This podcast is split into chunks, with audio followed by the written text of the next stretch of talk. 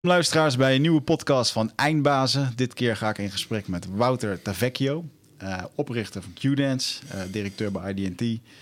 En, uh, maar dat is eigenlijk niet de reden waarom je hier zit. Want ik hoorde jou kletsen in een, in een podcast met, met Giel Belen. En ik heb lang zitten twijfelen wat we nou moeten gaan doen met deze podcast gaan we het nu hebben over de, over de, de dance scene of gaan we het hebben over het leven, et cetera. Maar je hebt al best wel veel besproken in wat andere podcasts. En je geeft helemaal niet veel interviews. Dus sowieso is het heel erg tof dat je hier wil zitten. Um, dus ik zou eigenlijk willen zeggen tegen alle luisteraars: luister alsjeblieft de podcast met Giel bij Koekeroe en bij Scherpschutters. Ben je ook nog geweest? Ja. Zijn hier ook geweest, onze vrienden ervan. leuk. En um, ja, weet je, dan, uh, dan hoef ik geen dubbele vragen te stellen. Dan gaan we hier gewoon een uniek uh, ding van maken. Ja.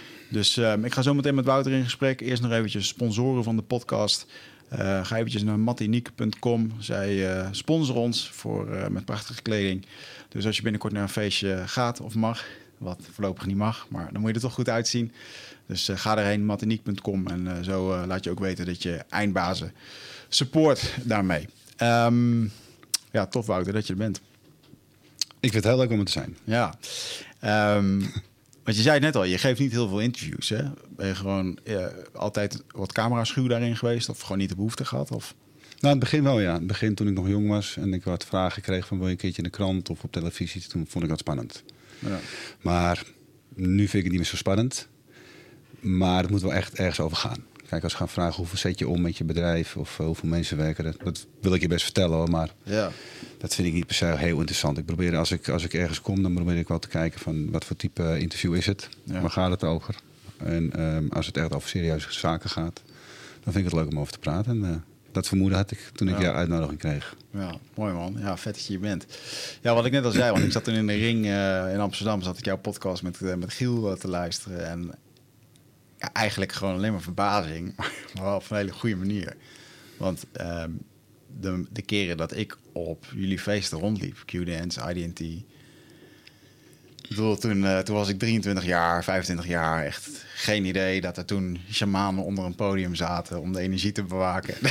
het heeft waarschijnlijk wel gewerkt, want ik heb een hartstikke goede tijd gehad.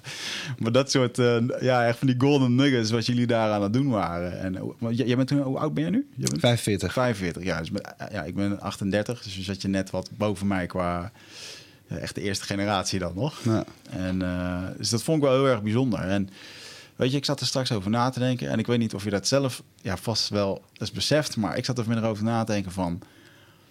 hoeveel levens dat jullie op een manier hebben beïnvloed. Ga er alleen eens na. Hoeveel stelletjes zijn er voorgekomen... uit mensen die elkaar bij de kluisjes hebben leren hmm. kennen of zo, weet je wel. Of, uh, bedoel, bij mij... Ik ging gewoon... Ik maakte gewoon de keuze tussen festivals of op vakantie. Ja, deze zomer ga je niet op vakantie. Ik ga festivalletjes doen, weet je. En dan was dat gewoon op vrijdag, dan ging je er, uh, dan bereidde je al voor. En, uh, en, zondag dan eindigde dat ergens een keer. En uh, ik kan echt hardop zeggen dat ik daar een groot deel van mijn sociale leven aan te danken heb gehad. Dat is heel goed om te horen. Ja. Heb je dat, maar heb je dat besef zelf ook wel eens? Of nou, ik begon toen ik 18 was met feestjes geven. Ja. Eindexamenfeest voor de HAVO. Ja. En dat, dat vonden we al zo leuk. En we hielden aan het eind van het feestje ook nog eens allemaal 100 gulden over of zo. Toen dachten wij, ik kan gewoon geld verdienen met een feestje geven. Nou, hoe leuk kan iets zijn, zeg maar. En eigenlijk de eerste, even kijken, nou wat was het toen? De eerste tien jaar was het gewoon eigenlijk een roes. En hadden we helemaal geen vermoeden van de, de power of speech die we ook hadden met feesten of wat er allemaal gebeurde. We waren zelf gewoon eigenlijk de doelgroep. Hmm. Wij waren feesten zelf. Ik kom zelf uit de hardcore scene. Ik stond gewoon op de, dans, op de dansvloer met een oceaan en een kale kop. Weet je, dus uh, ik, ik was de doelgroep ook. Ja. Wij vonden feest echt het mooiste wat er is. En dat kwam ook omdat we op de dansvloer die momenten gehad die jij net beschrijft. Dat je, tenminste, dat gevoel, dat ken je. Dat je jezelf overstijgt. Ja. dat je gewoon één wordt met de massa. Zeker. Nou, dat, dat gevoel, dat was voor mij echt een doorbraak. Ja. En dat wilden we ook zeker delen. En dat, dat, is, een, dat is een stukje magie en finesse. Ja. En als dat lukt, dat voel je dan altijd op een feest. Ik sta altijd achter de regie. Al de mensen zitten te knipperen. En op een gegeven moment, dat is nooit te voorspellen wanneer het is, maar op een gegeven moment komt dat moment en dan slaat die energie zo over op die 30 of 60.000 mensen. En dan voel je, nu zijn ze één. Ja. Nu is het één, eigenlijk één mensen, massa die, die één ervaring deelt met elkaar. Ja.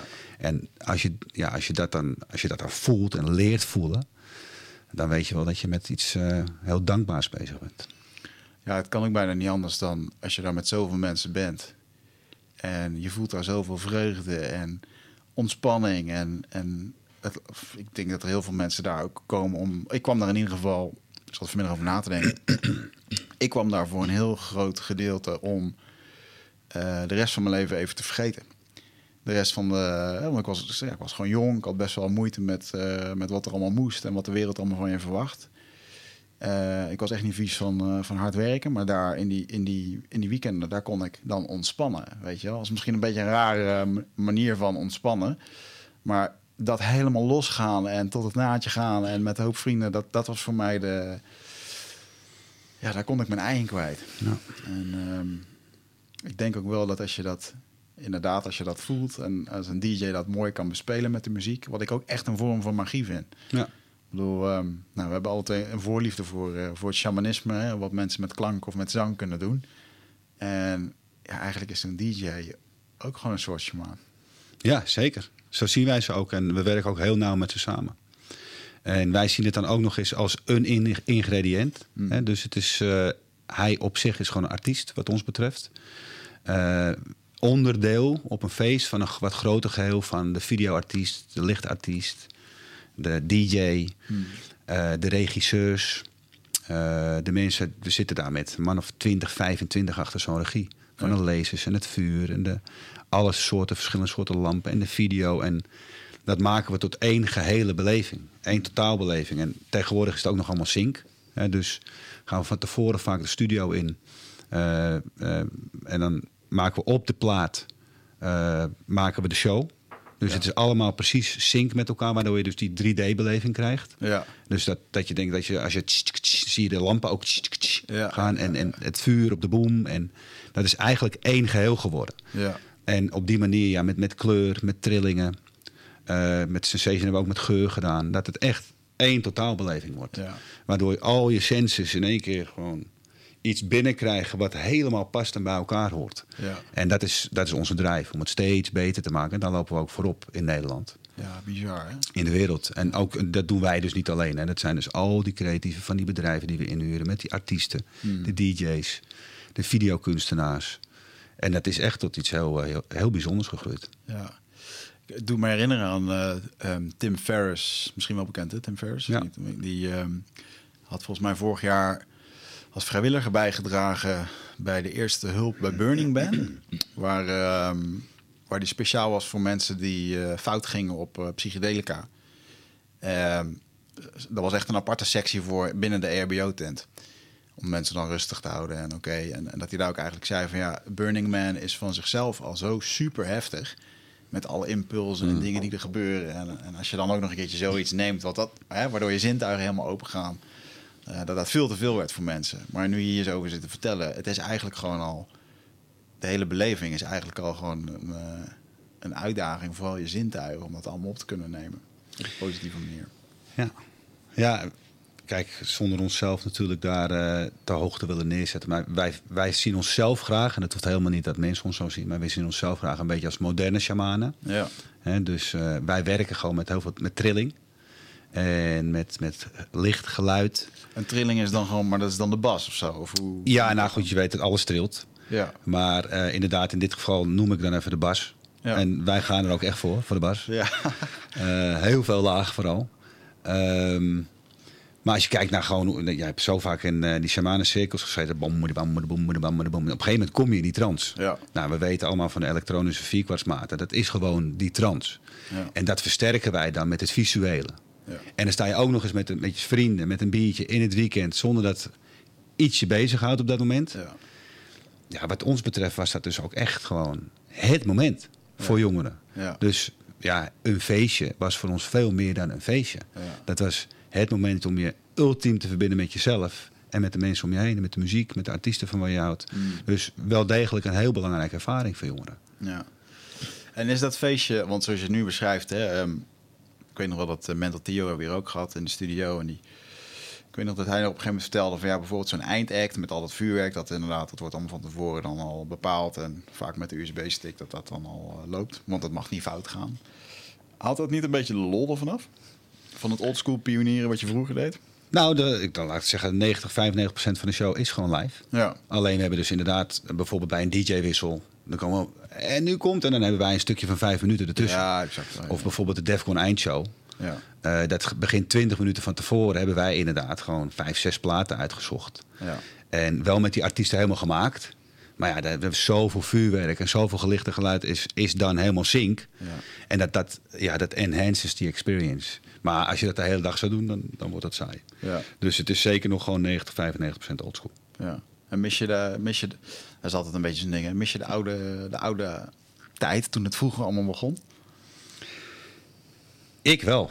Ja. Maar goed. Wat uh, was het toen anders dan, dan nu? Nou, toen was het voor mij nieuw. Ja, exact. Ja, kijk. Ja, het was jouw ervaring toen. Dat was mijn ervaring, maar ik weet, ik zie af en toe bij, bij Defcon komen dan uh, mensen uit, nou ze komen echt uit 70 landen, hè, bij de Defcon bijvoorbeeld, of de Climax. Bizar. Ze komen echt uit de hele wereld, komen ze naar Nederland voor die ervaring. Ja. En dan zie ik ze daar in de rij staan, met een tenten en een bakwagens vol met, met bier en spullen. En dan denk ik, ja, dat had ik niet toen ik 18 was. Zulke goed georganiseerde festivals. Ja. Dat was toen. Toen reden wij naar een loods ergens in de havens en dan werden we opgehaald met een bus of zo. Ja. En dan stonden we op een plek en dan was de pand aan het trillen en het was vaag en uh, soms werd het wel eens opgerold. Dat heb ik één keertje meegemaakt, maar hoor. Maar dat was nog die tijd dat het echt pionieren was. En daar waren wij onderdeel van. Dus wij, wij ontdekten iets nieuws. Ja, ja, ja, ja. En deze jongeren ontdekken niet per se iets nieuws, maar de standaard is nu gewoon heel erg hoog. Ja. Dus stel dat je nu gewoon, uh, ja, stel dat je 21 bent en je gaat naar Duitsland en je komt op zo'n terrein met je vrienden. Je gaat gewoon drie dagen lang op je favoriete. En het is echt goed geregeld met de topshow. Ja. Maar ja, ik, ik mis de, de, de spanning van niet weten wat er gaat gebeuren. Dat, dat hele spannende van het uitgaan, waar is het? En dan kom je bij zo'n achteraf plek. En dan ging je naar binnen donker en hingen maar een paar lampen. Niks geen syncshows, niks geen... Wel goed geluid vaak. Ja. Lekker donker. Lekker Ja. duister. Ja, ja. Die nieuwe muziek die nog niemand kende. Ja, en ik, op school waren er dan misschien nog vijf of zes die dat deden in de klas. Of vier, weet je wel, een paar. En ik voelde me altijd heel erg verbonden met die mensen. Ik dacht altijd van, ja, wij weten echt hoe je moet uitgaan gewoon. Ja. En die mensen die naar concerten gaan, ja, weet je wel, bij zo'n band, ja, leuk. Maar wij vonden het echt helemaal de bom. Ja. En eh, ja, ik, ik mis wel zeg maar de, de, de simpelheid. Want uiteindelijk, muziek ogen dicht, goed geluid, met je vrienden, Mm. is, heb je eigenlijk al 80% te pakken. Ja. En omdat we zoveel, eh, omdat er zoveel mensen feesten begonnen te geven, ga je toch kijken, ja, hoe kunnen wij ons onderscheiden van de rest? Ja. Ja, dat is creativiteit. Ja. Dat, dat, dat- je kan, iedereen kan dezelfde DJ boeken. Ja. Iedereen kan dezelfde hal boeken. Iedereen kan geluid en licht. Maar hoe, hoe mix je dat in een, in een format, in een concept... eh, wat altijd een stukje voorloopt op wat mensen van je verwachten, zeg maar, Ja. weet je. En daar hebben we wel eh, heel veel tijd in gestopt en dat is gelukt. Ja, ik weet nog, ik denk wel dat er, ik, ik heb voor mezelf wel een onwijs verschil erin gemerkt dat toen ik in het begin naar de feestjes ging, dat, eh, dat iedereen echt voor de muziek ging. En dan het liefst inderdaad een donker hal, twee lampen en, en gewoon goed geluid. Dan was dat, daar was zoveel eenheid. En sommige momenten nog meer dan op de feesten waar alles geregeld was. Ja. En waar, waar, dan noemde ik dan altijd, ja, dan heb van die dagjesmensen, noemde ik het Ja, heel Ja. weet je wel. Maar is zo. En ehm, dus ik, de laatste keer eh, zijn we nog een keertje naar zo'n reunie van House Classics gegaan en zo. En dan Ja, is dat is gewoon grappig dat Volgens die... het eerste echte Ja, dat- concept was dat. Ja, dat is het goud, ja. En eh, eh, net als zo'n... Ja, zo'n, zo'n- de Gelderdoom voor de eerste keer dat dat vol zat. Ja, dat waren we. Ben je geweest? Ja, en Defcon, de eerste Oh, keer. Al die dingen heb ik over... Dat, vet, toen zat ik er net helemaal in. En dat waren echt wel de... Ja, heel leuk. Ja, de old school... Ja. Tenminste, voor mij is het al oldschool. Maar als ik het vandaag de dag, eh, als ik de muziek nu ook hoor, dan denk ik, ja, dat, ik word daar niet meer vrolijk van. Nee, nee, dat kan me wel voorstellen. Je moet er echt in zitten nu. Ja, Kijk, de mensen van nu vinden dit gewoon helemaal de shit natuurlijk. ja, Eh, maar toen vond ik dat helemaal de shit. En jij vond het toen Ja. ook helemaal de shit. Dus mensen, dat, dat groeit echt mee met... eh, die artiesten groeien ook echt mee met, met wat de bezoeker willen. ja en, en grappig dat je nu hier zit, want ehm, ik bedoel, het bedrijf was van jou, of is van jou Q-Dance. En met IDT, eh daar ben je natuurlijk ook in bezeten. En voor, voor mij was dat echt een soort van, wauw, droombedrijf om daar ooit te kunnen werken, weet je wel. Ja. Ik weet nog dat ik op een gegeven moment, eh, ik heb een jaar in Australië stage gelopen slash gewerkt. En net in dat jaar kwamen jullie naar met Defcon. met Defcon naartoe. Ja. En ik weet nog dat ik, uh, er is me bijgebleven dat ik ergens een krantenartikel zag. En volgens mij, het ging, Duncan heeft daar een tijd gewoond. Kan dat? Of ja, hij heeft in uh, Sydney gewoond, ja. Ah, oké, want vol, dan is, ging het over Duncan. Dan weet ik nog dat daar een krantenartikel verscheen... waarbij ze over hem schreven van... nou, Culens gaat nu naar Australië... En dat uh, volgens mij was Duncan door de politie betrapt om posters op te hangen daar s'avonds of zo. Ja, ja, dat, klopt. En uh, dat is me bijgebleven zo van, ah, fuck man, die gast, hij hoeft het niet meer te doen, weet je wel. Maar hij staat gewoon posters te hangen. Ja, ja, ja. Dus dat geeft wel aan hoe, uh, hoe dedicated je mag zijn. Voor, ja, we hebben heel veel mazzel dat we dat met, met een groep vrienden hebben gedaan. Die echt, echt gepassioneerd was om gewoon de beste avond uit te organiseren. Dat is altijd, de, de drive is gewoon, wij willen jou de beste dag, nacht van je leven geven. En wat, wat moet je daar allemaal voor doen? En als je die energie er zelf niet in stopt, dan krijg je hem er ook niet uit. Nee. Je moet er echt helemaal voor gaan. Ja. Het is, er zijn heel veel feesten worden gegeven. Dus hoe, hoe kom je boven bedrijf als het beste feest? Ja. Nou, dat is altijd ons bedrijf geweest. Ja, ja dat is inderdaad bizar hoe... Uh, op een gegeven moment kon je gewoon niet meer kiezen waar je heen wil. nee. festivals. En Ik heb ook nog gemerkt, bedoel, toen ik 18 jaar was, ging ik graag naar een discotheek toe. Ja, in Noord-Brabant had je allemaal van die tentjes en zo. En dat, dat ging gewoon allemaal sluiten, omdat er zoveel festivals kwamen. Dat is best wel rap gegaan eigenlijk. Festivals werden gewoon het nieuwe uitgaan. Ja, ja. Dus het is een beetje van nachtleven naar dag gegaan. En je ziet nu ook allerlei ontwikkelingen dat als zaterdag overdag feesten komen. We hebben laatst toevallig, laatst is alweer een jaar geleden, 20 jaar bestaan van, uh, van Q-Dance. Gevierd in de Gelderdoom met uh, Dedicated. Mm. Dachten we, doe eens wat anders. We doen het gewoon overdag. Nou, is gewoon uitverkocht. En ja, je ging dus mensen gingen om 11 uur naar huis. Ja. Topdag. Nik, niks aan de hand. Eigenlijk helemaal goed. Ik ben nog wel echt van het. Ik ben wel echt een nachtdier. Hmm. Weet je, ik hou echt van de vroege uurtjes. En dat je echt gewoon. Echt er helemaal in zit. Dat je de, de, de rijdt loopt en het weer licht is. Dat gevoel, dat vind ik echt. Ja, dat blijft voor mij magie. Hmm. Maar dat is misschien ook ouderwets denken. Weet je. Dus we, we experimenteren ermee. Ja, ik heb op een gegeven moment voor mezelf een modus gevonden toen ging je nog wel eens naar feest toe, maar dan echt omdat ik het leuk vind. En ik ben ook een tijdje naar het feest gegaan om gewoon drie dagen te ontsnappen van uh, de moderne jungle. Weet je wel? Van, dus dan gingen we gewoon weg en dan was het gewoon daarna nog after en doen. En uh, dat je dan vier uur, vier uur op de parkeerplaats stond te wachten in je auto. Dat nam je gewoon verliefd. Dat hoorde er allemaal bij, weet je wel. Ja. Maar ik weet wel op een gegeven moment dat ik nog... Uh, ja, dan ging ik gewoon overdag naar zo'n feest toe. Of dan begon, begon dat s'nachts ergens rond... Nou ja, ja, ging naar een feestje toe. Wat tot zes uur duurde. En dan uh, rond een uur of twee, dan, uh, dan vond ik het eigenlijk al goed. Dan ging ik gewoon lekker naar huis. Dan had ik echt een topavond. En dan niet, uh, niet helemaal naar tot het naadje. En daar, daar voelde ik me op een gegeven moment ook heel erg goed bij. En toen merkte ik ook dat ik toch weer meer voor de muziek en voor de sfeer en voor dat kwam. En, Wanneer ben je voor het laatst naar een goed feest geweest? Ja, is twee jaar geweest. Away, twee jaar geleden. Awakenings in een Westergas. Oh ja, ja. ook een goed feest. En ehm, maar ja, toen stond ik daar ook weer gewoon lekker biertjes te drinken. En op een gegeven moment zie je heel erg de sfeer omslaan... waar er ook een soort van zombie-modus kan komen. Ja.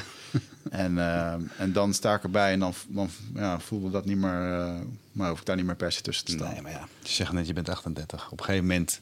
Ja. Tenminste, ik kan me niet voorstellen. De gemiddelde doelgroep bij ons is uh, eh, 23. bij, bij, bij Missland ietsje ouder. Hmm. Awakening is ook ietsje ouder.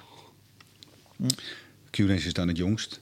Maar 38. Ik ben dan 45. Maar ik, ik, ben dan nog steeds wel. Kijk, ik, ik heb dan ook wat voornemen, schat. Ik ga vandaag uh, kom met vroeg thuis. Maar als ik er helemaal in zit, om een uurtje of uh, twee. En uh, ik zit lekker in de babbelbox. Ja. Dan blijf ik toch vaak nog wel lang. Maar vroeger was het altijd. Ging ik met, met de mensen naar huis om 7 uur. Nu is het wel een uurtje of 4, 5. Dan ja, ja, ja. ga ik wel naar huis. Volgende nog een beetje spijt.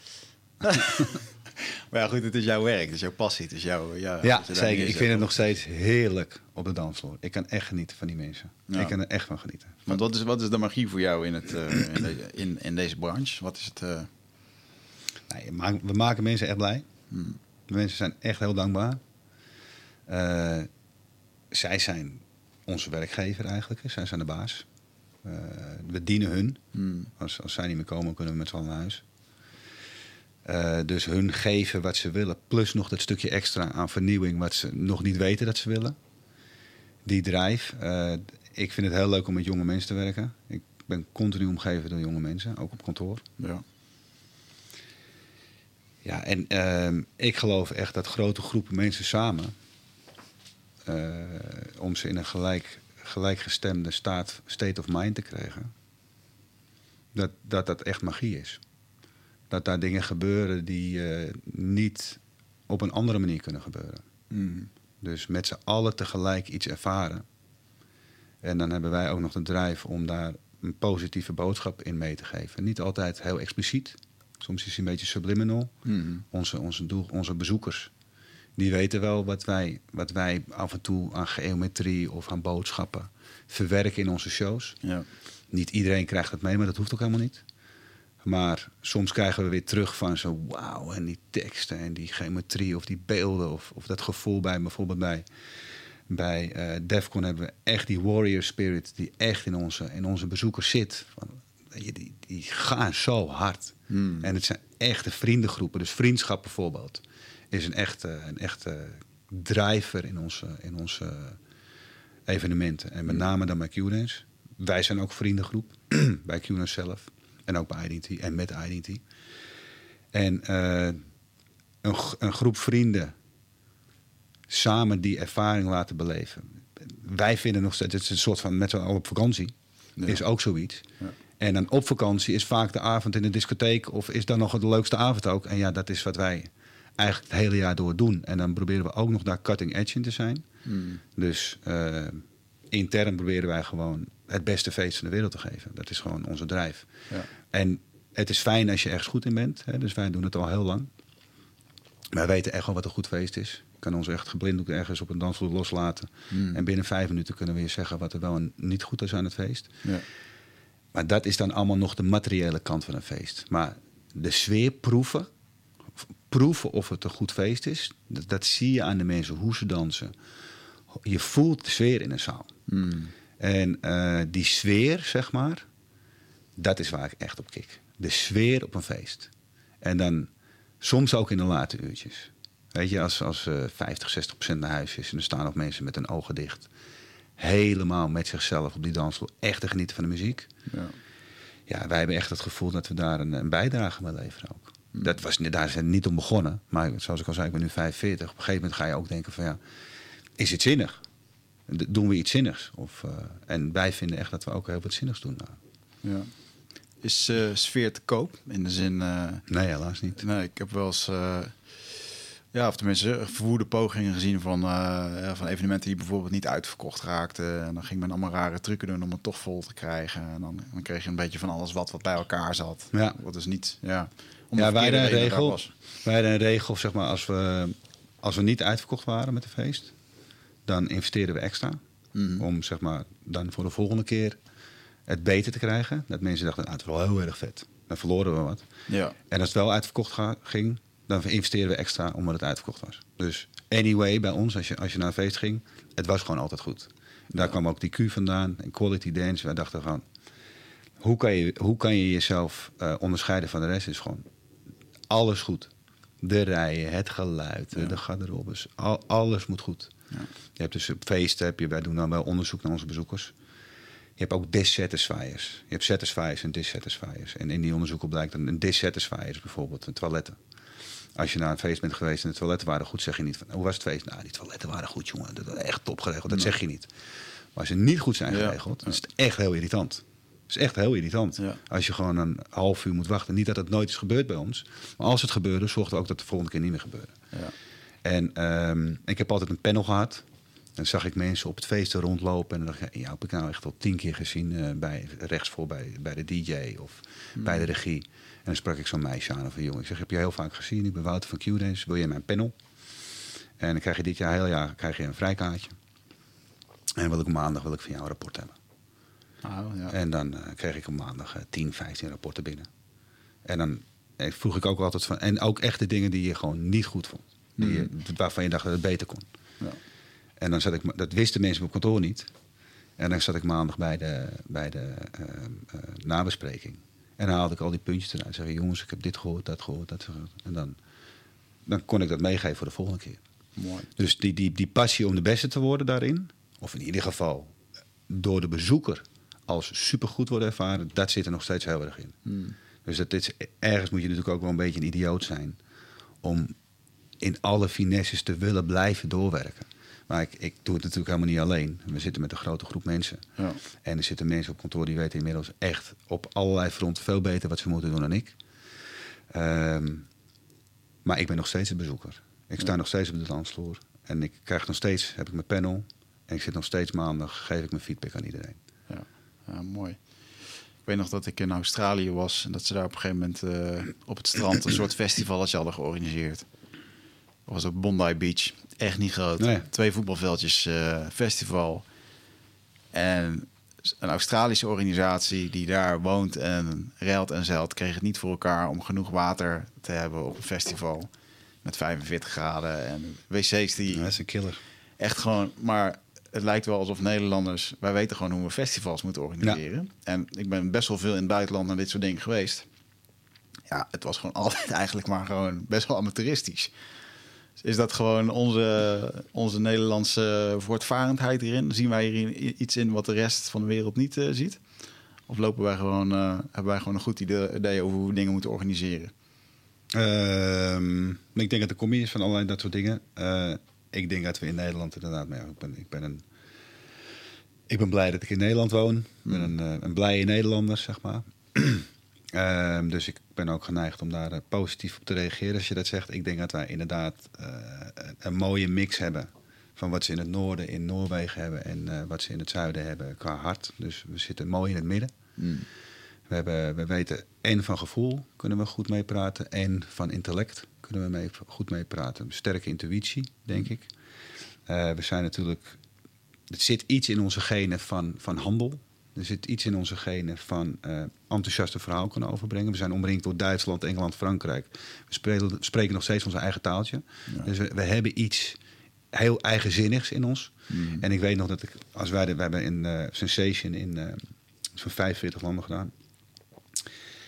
En wij dachten altijd, zeg maar, dat onze directe manier van ja, eigenlijk iemand in de ogen kijken, zeg wat je vindt, dat, dat, dat is normaal, weet je wel. Maar dat werd in het buitenland soms als onbeleefd werd het ervaren. Ja.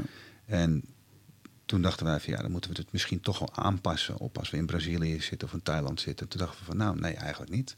Wij vinden dit toch echt beleefd om gewoon eerlijk te zijn en recht door zee te zijn. Dat is, waarvoor zouden we afstand doen van die normen en die waarden die wij hebben?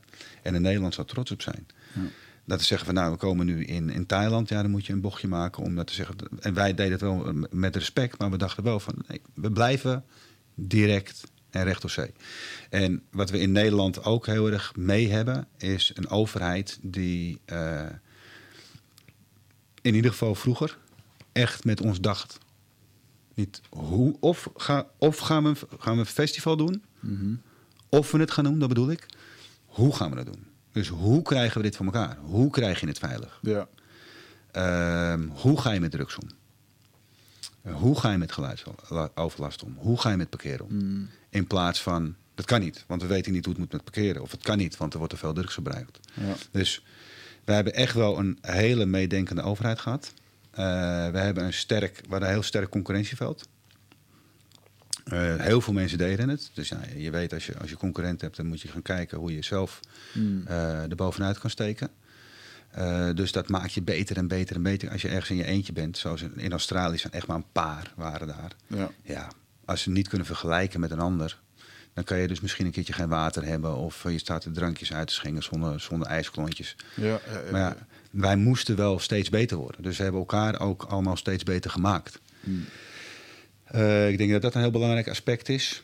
Uh, een heel groot stuk is natuurlijk gewoon geluk. Uh, elkaar tegenkomen op het juiste moment. We waren de eerste en hmm. we waren gedreven. We hielden er zelf van. Dus het is ook een hele mooie samenloop van omstandigheden geweest. Zelf heel erg van entertainment houden. De doelgroep zelf zijn. Vrienden hebben die hetzelfde willen. Die bereid zijn van, met, uit, van de universiteit te stappen of de HBO te stappen en te beginnen. En ja. te stoppen uit met twee HBO en dan ik ga wel flyeren en ik ga posters plakken. Dus we hebben gewoon heel veel meegehad. Heel veel geluk gehad. En ehm, eh, wij hebben ook wel, uh, met onze groep hebben we ook wel uh, ja, echt geen concessies gedaan in onze droom. Wij wilden gewoon de beste worden. Ja. En dat, dat hebben we nog steeds. Ja, dat is gelukt. Mooi. En je zei, um, de overheid heeft goed met ons meegewerkt. Is dat vandaag de dag anders? Nou, het zitten nu rare tijden natuurlijk. Ja, maar even, uh, even nee, ik voel me nog steeds gesteund door de overheid. Uh, zeker met alle pakketten uh, die, wij, die wij... Anders hadden we echt iedereen moeten laten gaan. We hebben nu de helft, nou niet iets minder dan de helft moeten laten gaan van onze mensen. Nou, de overheid heeft op zich niet heel veel nu meer met ons van doen. Um, omdat alles lokaal geregeld is. Dus met lokale overheid, als, we, als een gemeente de overheid is, dan hebben we nog steeds heel veel met de overheid mm. te maken natuurlijk. Dat verschilt echt per gemeente. Je moet gewoon een mazzel hebben dat je een burgemeester hebt die het leuk vindt. Ja. En uh, als je een burgemeester hebt die het niet leuk vindt, dan heb je pech. Gaat het niet gebeuren. Ja, dan gaat het gewoon niet gebeuren. En ja. dat is wel, dat is wel wrang. Zeg maar dat je soms kom je bij een gemeente aan. Met de ene gemeente kom je aan met het topplan. En die andere gemeente kom je met hetzelfde plan aan. En de ene dan, uh, gemeente word je met open handen ontvangen. ontvangen en de andere gemeente uh, vinden ze het gewoon niet leuk. Hebben ze er geen zin in. Ja. Nou, en dat is natuurlijk raar. Weet je, je, dat, dat is vreemd. Dat, dat ja, is, is, dat vreemd of niet? Of, nou, het is wel begrijpelijk in die zin. Mm -hmm. Maar vreemd in de zin van dat je verwacht van de overheid dat ze beleid hebben en consistent zijn en consequent zijn. Ja. Nou, snap ik dat het in gemeentes en provincies is ingedeeld en het is allemaal mensenwerk. Uh, dus in die zin is het niet vreemd, maar je, verwacht dat er landelijk beleid is. Je verwacht dat uh, je niet bij de ene gemeente wordt je, wordt je opgepakt als je een zakje wiet bij je hebt en bij de andere gemeente mag je met je zakje wiet naar binnen. Ah, ja. Wat moeten wij onze bezoekers nou vertellen. Ja, exact. Als we, als we daarom vragen, weet je. Dus als je dan vraagt van, uh, is die steuner? De steun is er, want wij hebben festivals door het hele land.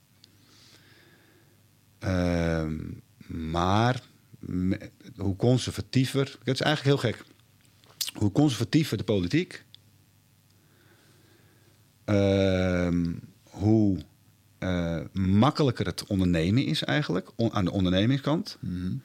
Maar hoe moeilijker het is om het onder de aandacht te brengen als, als een onderdeel van de cultuur onder jongeren. Mm. Het is, dat is heel tegenstrijdig, zeg maar. Dus hebben wij een linkse burgemeester, dan denken we, yes, want dan kunnen we uitleggen over cultuur en het belangrijk is voor jongeren. En, ja. en dan kunnen we hoe we met de natuur omgaan. En, uh, maar dan, dan moet ik echt met, een, uh, met mijn vrouw de auto komen voorrijden. Want als ik met mijn eigen auto kom voorrijden, dan, dan kan ik het alweer vergeten, zeg maar. Ja. Um, en als we bij een andere gemeente komen en het is een, het is een VVD-burgemeester, nou, dan kunnen we in ieder geval over zaken praten. We zijn een ondernemer, we nemen risico. En, uh, maar dan is het toch ook wel weer wat meer rigide als het gaat over. Uh, als het gaat over. Uh, ja, hoe moet ik dat zeggen? Hmm, moet ik even kijken of ik mezelf niet in een bochtje klip zie. Um, wij kunnen wat moeilijker praten met VVD-burgemeesters als het gaat over het echte uitleggen wat, wat, wat daar nou gebeurt. Weet je, het is, het is wat, het is wat, wat, wat recht, meer recht toerecht aan. Het wordt wat gesystematiseerder. Het wordt wat. De, de jeu gaat er vanaf. Het wordt, een, het, wordt een, het wordt uitgekleed tot een onderneming, tot een project. En dat, dus ja. uiteindelijk even terug naar je vraag van... voel je gesteund door de overheid? Heel verschillend. Ja. Echt per gemeente verschillend. Uh, maar als we kijken naar andere landen, dan doen we het goed. Ja. Wij komen in landen aan en denk je van nou... Echt overal in de wereld. En wij hebben echt, ook in heel Europa... maar ook in heel Zuid-Europa en heel Azië hebben we feest gegeven. Ja, wat is het meest tergende voorbeeld wat je aan overheid... Uh, bemoeien mensen hebt meegemaakt in je carrière? We hadden met Sensational een reizend circus. Hè? Dus op een gegeven moment is q is gefuseerd met IDT. Toen werd ik de CEO van IDT. En um, Sensational een reizend circus. Dus dan gingen van land naar land naar land. En uh, wij kwamen altijd aan op uh, zaterdag. En dan stond die hele show al. En dan kwamen we aan op zaterdag. En dan werden we opgehaald. Een soort van als artiestenstatus hadden we, werden we opgehaald. En die ging altijd voordat ik naar het feest ging. ging e- voordat we naar het hotel gingen, eerst even naar, het, uh, naar, het, naar de hal. En dan gingen we even kijken. En dan terug naar het hotel, omkleden en dan terug naar het mm. feest. En op een gegeven moment kwam ik in Sint-Petersburg in Rusland. En uh, ik kom daar aan de dansvloer. En uh, nou, alles is klaar, alles hangt. En uh, de projectmanager die komt naar me toe lopen. Zegt, Wout, we hebben een probleem. Ik zeg, wat is er dan? Hij zegt, zie je die gast daar? Een gast met een hoed en allemaal strepen en van die speltjes hier. Echt een, een army dude gewoon. Mm. Ja, wat is er dan? Hij zegt, ja, we mogen geen alcohol verkopen vanavond. Zeg, dat kan toch niet? We hebben overal een Carlsberg, waar gewoon als hoofdsponsor was, was biermerk. Ja. Dat kan toch niet? We, we, hebben toch een vergunning? Ja, hebben een vergunning, maar kennelijk niet met de goede. ik zeg, ja, vergunning is toch gewoon een vergunning? Ik zeg, nou, lopen van die gast toe, zeg ik of ik even met hem mag praten, want alles is echt goed geregeld. Dus uh, ik zie hem zo naar die gozer toe lopen, naar die vent. En ik, uh, ik zit zo te kijken. En ze hebben een gesprekje en die, die, die vent die maakt bewegingen en doet zo met zijn hand. En hij komt teruglopen, uh, die projectmanager, en hij zegt... Wout, we gaan vanavond geen alcohol verkopen. En als we er nog één keer over beginnen, dan komen we nooit meer het land uit. Oké. Oké. Nou, dat is toch een heel anders je, dan dat je in Nederland gewend bent. Ja. Dus ook geen alcohol verkocht die avond. Dat ging gewoon niet door. Nee. Dat moet je gewoon slikken. Ja, moet je gewoon. Ja, ik dacht ook van, nou, uh, ja. is dat voor tekst? Hè? Maar binnen een half uur was daar een levendige handel in vodkaflessen. En ze zijn daar natuurlijk heel andere dingen gewend. Dus die portiers werden omgekocht en uh, vodkaflessen naar binnen. was echt een hele andere koek. Echt een hele andere koek dan ons. Gewoon geen alcohol verkocht. Omdat die vent, ja, het was niet omgekocht. Dachten we achteraf. Ja, bizar. Hè? Maar je gaat ook niet zeggen van uh, hoeveel je hebben dan. Want dan kan je misschien ook blijven daar, weet je. Dus laat maar zitten. Dat is, dat is wel echt. Ik, dat is een van de meest extreme herinneringen die ik heb. Ook in, in, in, uh, in Brazilië. Ook wel in Sao Paulo hebben we ook wel hele extreme dingen. Dat we aankwamen daar uh, op de vrijdag, zaterdag was het feest. En uh, kwamen ze. Ze ja, we hebben geen vergunning. Helemaal uitverkocht, 40.000 mensen. geen vergunning. We hadden toch een vergunning? Ja, er is iets niet goed gegaan, we hebben geen vergunning. Ik zeg, jij nu dan? Ja, meestal komt hij gewoon nog wel op zaterdag. Nou, echt een uur voor tijd kregen we dan een vergunning. Een bananenrepubliek. Ja, echt uh... totale bananenrepubliek. maar we hebben, we, hebben, ja, we hebben de meest extreme dingen gemaakt. We hebben iets heel moois meegemaakt in uh, Australië. Vond ik ook wel een mooi verhaal. Duncan die was dan naar Australië verhuisd. Hij zegt, ik ga je sensation organiseren. Nou, Sydney gekeken, maar er was geen mooie hal daar. Misschien in Melbourne. Ja, een hele vette grote, net zo groot als de Amsterdam Arena. Echt een vette, vette hal. Nou, gaan we daar doen. En uh, helemaal uitverkocht, 40.000 mensen. En een week voordat Sensation komt, uh, waren er GHB-doden in de clubs in, uh, in Melbourne. Ah, top, ja. Dus jongeren die gebruikten de mazzers, waren een Griekse groep jongeren die mm. echt zes doden of zo in een week. Ja. Dus toen kwam in de media, dit is super gevaarlijk, het moet gestopt worden. Dus Sensation, misschien moet het maar niet doorgaan. Sunday Herald, volpagina, misschien moet Sensation maar niet doorgaan. Een hele politieke hessel, maar waren uitverkocht. En toen heeft Duncan zich aangemeld van... Hey, jongens, ik ben gewoon uitverkocht. Interview gedaan met Sunday Herald. En toen had hij gezegd... ik weet het niet hoor, jongens. Wij zijn een reizend circus, hè. Wij komen aan en we landen hier gewoon een soort van UFO. En we gaan twee weken later weer weg. Maar volgens mij hebben jullie een probleem hè, met je drugs. Wij zijn geen drugshandelaar of zo. Volgens mij moeten jullie dat oplossen. Mm. En toen draaide die hele politiek en toen draaide die hele discussie. En toen hadden we opeens iedereen mee. Shit, we hebben een probleem, zeiden ze toen. We moeten dit gaan oplossen. En ze zei, ze mocht wel doorgaan en geen dooien gelukkig. Ja. Was het in die LG Arena? Uh, toen heette het nog de Etihad Arena. Ah ja, ja. ja, ja. Nou. ja Australië is ook inderdaad een... Uh, oh, kan zo, zo fucking strak zijn met... Uh... Hou op joh, ik heb daar ook een tijdje gewoond. Ja. Oh ja? Ja. ja je zou, je zou zeggen van je wil daarheen vanwege die relaxedheid. Maar het is eigenlijk, nee. sommige dingen is het allemaal normaal, relaxed. Ja. heel erg.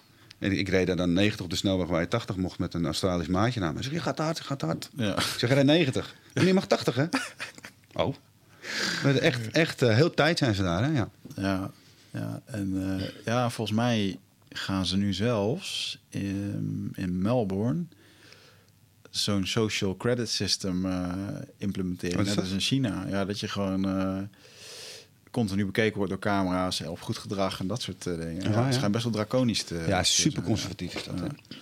Maar um, en ik merkte zelf toen ik een jaar in Australië had gewoond, ik had daar te stage gelopen. Ja, ik had gewoon geld gespaard, lekker surfen, feesten met al die backpackers en dingen. En ik had daar gewoon een toptijd. En toen dacht ik, vond hij zo leuk, ik wil hier werken. En toen ging ik terug en toen ging ik daar dus heen om te werken. En dan merkte je in één keer dat iedereen best wel... Ja, ik was natuurlijk altijd omgeven door het feestvierende, reizende het reizende volk. En als je dan in één keer daar komt, dan merk je toch dat het echt wel lastig was om uh, contact te maken met mensen daar. Ja. En, uh, ja. Dus dat, maar goed, waanzinnig land verder. Maar... Ja, heel vet. En wij, wij zijn ook met staat tussen ons benen uiteindelijk vertrokken. We hebben Defcon een paar keer heel goed georganiseerd. Mm. hadden we daar een dooie. Oh, okay. uh, ja, kijk, op, statistisch, statistisch gezien, als je dus, wij hebben in Nederland anderhalf miljoen, anderhalf miljoen bezoekers per jaar, mm. met al onze feesten dan samen. Er gaat statistisch iemand dood. Ja. Zeg maar. In die uren, als je gewoon kijkt, dan moet daar op een gegeven moment gewoon iemand doodgaan, een hartaanval of zo. Ja. In Australië hadden pech, nou, toen ging dus iemand dood. Niet bij ons op het feest, maar in het ziekenhuis. Te veel drugs. En het jaar daarna twee. Waren mm. slechte pillen in omloop echt slechte pillen. Mm. En vroeger mochten wij nog pillen testen in Nederland. Ik weet niet of je dat nog weet. Ja, nou, het is, het is nog ook nog na mijn tijd geweest. Maar ik weet wel dat dat... Uh, dat heb ik ook gewoon nooit begrepen. Van, als je als overheid, je kan het toch niet tegenhouden. Fix gewoon die zooi dat het, dat het goed is. Want mensen laten het graag testen om te, om te kijken of dat het wel oké is. Ja, ja, wij hebben alles meegemaakt. In Nederland hebben we het beleid meegemaakt met één pil mag je naar binnen. Hmm. Tot en met met één pil word je opgepakt en zit je achter een politieauto. Ja. En ja, dan moet je, wij moeten dan de bezoekers inlichten over het beleid. en wij houden ons aan het beleid. Hè. We gaan niet zeggen van ah, stop me in je broekzak of weet je. Wij houden ons gewoon aan het beleid. Maar uh, op een gegeven moment zaten wij dus met het paarse kabinet. Mochten wij nog uh, pillen testen. Hadden we Unity en Jelinek. Die stonden dan met, uh, met ja. testsense. Nooit last. De mensen kwamen gewoon binnen, pilletje testen. Ja, is goed, namen ze, niks aan de hand. Tot en met het kabinet daarna als je met de pil gepakt wordt met de deur, bij de deur, dan krijg je het proces verbaal en dan kom je niet naar binnen. Dus wat deden die jongeren? Nou, die staan in de rij, klappen die pil erin. Ja. En gaan dus met een hele pil, staan ze in de rij. Nou ja, wij weten, ik heb uh, heel lang heb ik in een, uh, in een, um, in een panel gezeten. Van, de, van uh, Ton Nabbe. Ja, is hier ook geweest. Ja, nou, wat leuk. En ja. die, die schreef heel veel over drugs. Ja. En uh, die had ons, was mij op het spoor gekomen van, nou jij zit, geeft al die feesten. Dus... Hij heeft het boek geschreven van, ja. de, van de house en de dance ja, scene. Ja. ja. grappig, ja. En uh, ik zat dan bij hem in een pedal. Dat betekende dat ik af en toe uh, even, hem even te woord stond. Maar ik nam, nam, het wel serieus. Dus ik ging naar de EBO en ik ging naar zitten kijken. Wat komt er binnen en hoe gaat het hier allemaal? Hoe ruilt en zeilt het hier allemaal? Uh, wat wordt er allemaal ingenomen bij de deur? En uh, wat is nou gevaarlijk en wat is nou niet gevaarlijk? En wij wisten dus gewoon heel veel. Hmm. Dus wij wisten ook, nou, de beste manier om hiermee om te gaan, om te voorkomen dat het ook een volksgezondheidsrisico is, is om mensen te informeren. Ja. Informeer mensen, jongeren, over als je dit neemt, moet je niet dat doen. Als je dat neemt, moet je niet dat doen. Let op elkaar. Als je iemand ziet slapen, maken bakken. Drink veel water. Enzovoorts, enzovoorts, enzovoorts. Maar op een gegeven moment mochten we die informatie niet eens meer geven. Was, als wij de informatie gaven, was het al het legitimeren van gebruik. Oh, wow. Ja. Dus we mochten mensen niet meer informeren. Nou, dat is toch wel even heel gek. Ja. En dat gingen dus ook, het werd ook veel meer EBO-opnames, meer dooien op de evenementen. Hmm. En ja, dan voel je je wel niet gesteund door de overheid. Dan Ja. denk je van jongens, wij verkopen geen drugs. De overheid verkoopt geen drugs. Die feesten die zijn er. Als wij er niet zijn, gaan ze op een andere manier uit. Ja. Informeer mensen nou over hoe ze veilig, als ze, wij adverteren het niet, we zeggen niet dat je het moet doen. Als je het doet, doe het dan zo. Ja. Ja, ik heb me altijd wel verbaasd over. eh, sowieso ook in. Kijk, wij zijn in Nederland natuurlijk gewoon best wel een drugsland. En ik heb altijd wel het idee dat wij er om een of andere reden wat volwassener mee om konden gaan. In, Australië heb ik inderdaad best wel vaak mensen echt, eh, echt over de kling zien gaan met op feesten en dingen. Dat je echt dacht van wow, Ja. weet je. Maar dat is gewoon het niet begrijpen. Nee. Alles door elkaar heen gebruiken. Ja. En dat is ook de reden waarom hier Franse mensen met eh, ecstasy en eh paddo's en alles uit de hotelkamer springen. Waardoor het in één keer verboden raakt en zo. Ja, dat is wat je weer krijgt. Ja. Dus ik kan me wel voorstellen dat je als, organi- eh, als organisatie eigenlijk met, met die anderhalf miljoen bezoekers die je per jaar krijgt, op een heel dun laagje ijs staat. Eh, waar je met z'n allen doorheen kan zakken als er één iemand zoiets geks Ja. doet. Dus is het in ons belang om die mensen te informeren. Ja, En ook in het belang, eigenlijk in, het, in eerste instantie in het belang van die jongeren. Dat ze gewoon geïnformeerd worden. Want ja, als je 18 bent en eh, je neemt, ja, je moet niet zomaar iets op de dansvloer van iemand nemen. Dat moet je ze kunnen vertellen. Mhm. En als je het doet, moet je een klein beetje beginnen en dan kijken hoe die valt. En dan, dan later wat meer nemen. Weet je, dat zijn gewoon normale dingetjes. Ja. Maar die jongeren die klappen er gewoon twee in en weten niet wat het is. ja, Weet je wel? En dan kost het ook nog eens heel erg weinig geld. ja. Eh, dus ja, ik ben er wel heel uitgesproken over. Maar ik, ik neem mezelf ook af en toe een pilletje, twee keer per jaar nog. Ja, En zijn jullie, ben, jij, ben je van mening dat het, uh, het drugsgebruik veranderd is in de afgelopen jaren? Of is het een soort van stabiel gebleven? Wat ik heel bijzonder vond met Ton toen hier was, was dat hij zei dat uh, drugsgebruikers relatief eigenlijk veel gezonder zijn, omdat het vaak een fase is van x aantal jaar, weet je, of je doet het één keer per jaar, of nou, net zoals jij nu zegt, je doet het nu één of twee keer per jaar. Um, uh, maar je loopt niet iedere week een krat bier te drinken. Nee. Wat heel veel mensen voor heel lang ja. doen, weet je wel. Heb je het idee, uh, hebben jullie het idee als organisatie dat daar een hele verandering in is gekomen afgelopen jaar, afgelopen jaren? Drugsgebruik onder bezoekers? Of is het, of nou is het ja, dus, kijk, Ton weet daar echt alles van. Hè? Mm. Ik weet niet of je nog steeds onderzoek doet daarnaar.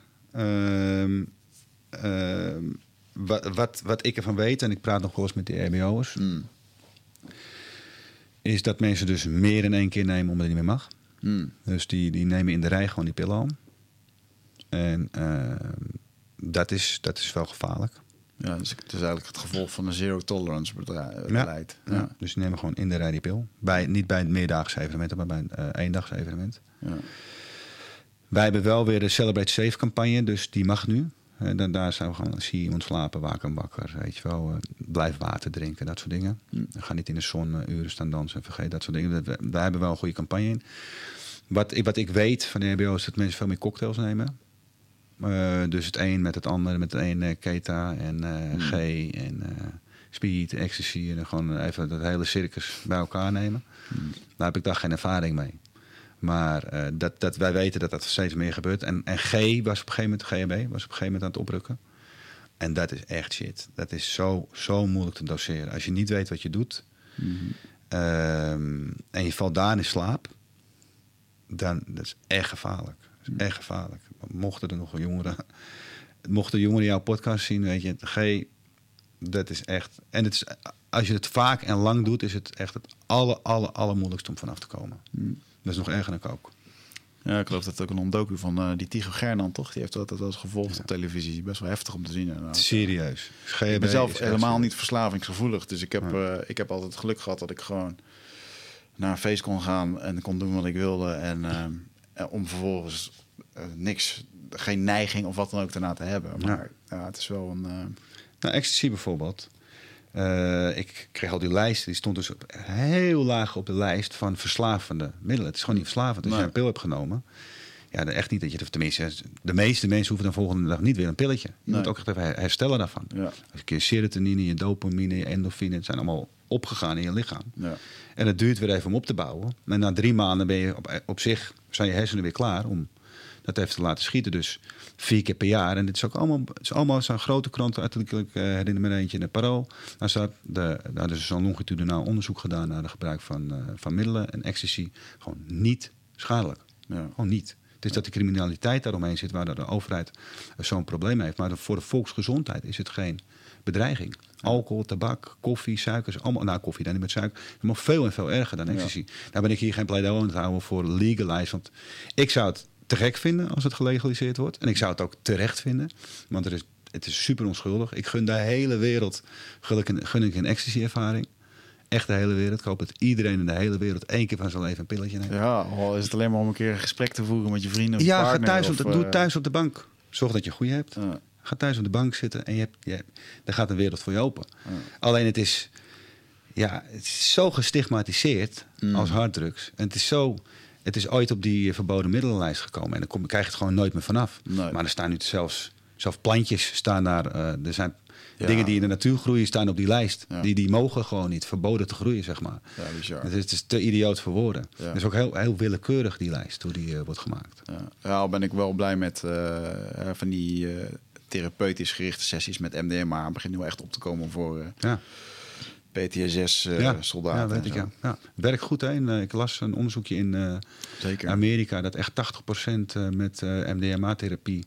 Ja. De mensen die echt al hopeloos waren... niet meer weten hoe ze van hun PTSS afkwamen. Gewoon daar echt 80%. Ja. Ja, die worden gewoon naar cocktails gezet van uh, slaappillen, Ja. angstpillen, weet Ja. ik het allemaal. Dat is echt, Joe Rogan heeft een paar van die gasten in een, podcast gehad. En dat is echt wel mooi om te zien. Ja. En ook veel soldaten die... Um, het schijnt dat heel veel soldaten last krijgen van PTSS door hersenschade. Uit helikopter springen, schieten. Iedere keer zo'n dreun, dat geeft een tik tegen je hersenen aan. En um, wat daar schijnbaar ook goed voor wat schijnbaar daar goed voor is, is ook uh, testosterontherapie. Omdat als je minder testosteron aanmaakt, dat je brein dus ook sneller aftakelt. ja, dat soort dingen vind ik wel heel fascinerend. Ja. kan een hoop mensen mee geholpen worden. Ja. Hey, en um, als ik dan even denk, want in Portugal is het bijvoorbeeld gelegaliseerd, hè? Volgens mij hebben ze daar, uh, daar was zo'n heroïne, uh, ja, hoe noem je dat? Epidemie als het ware. Dat ze op een gegeven moment hebben gekozen om uh, de boel te legaliseren. En volgens mij heeft dat echt in een paar jaar tijd, heeft dat gewoon giga-resultaten gegeven. Ja, ik, ik weet daar niks van hoe dat is gegaan. Is dat goed gegaan? Ja, omdat ze in Lissabon ze echt heel veel last ervan. Dus um, A, criminaliteit, uh, vervuilde rotzooi. Dus ja, hoe beter is het als je als overheid gewoon kan zeggen van... weet je, het is gewoon legaal, je kan het daar halen. Dan weet je dat je topspul hebt. En als je het komt halen, dan krijg je ook nog een keertje hulp om er vanaf te komen. Ja, ja. En dan heb je dus weer... Ik kwam net even niet helemaal uit uh, waarvoor we negatief ook alweer... naar de VVD of de CDA-kant... Mm. Dan heb je wat meer aan, in, in de politieke zin, in wat meer aan een progressief kabinet. Ja. Of progressieve burgemeesters die daarover mee willen denken. Maar in een, in een conservatief uh, politiek uh, stelsel, zeg maar, of uh, klimaat, hmm. vergeet het. Kom je gewoon niet. Het is gewoon mag niet, kan niet, doei. Hmm. Terwijl, ja, er wordt zoveel geëxperimenteerd onder jongeren. Met zoveel verschillende dingen. en het zal meer, altijd zo blijven. Ja. Het is niet te verbieden. Dus er is maar één route naar dat op een volksheid gezond, volksgezondheidsmanier goed te regelen. Dat is omdat uh, te legaliseren. Ja. ja, wat super gevaarlijk is dat die. Je kan iedere keer wel alles op die lijst gooien dat het verboden is. Maar dan ga je nu dus allemaal van die synthetische uh, rommel krijgen. Van die, uh, van die zouten en shit wat je bij de headshop kan kopen. Wat dan een soort van chemisch product is. En daarom is het niet verboden.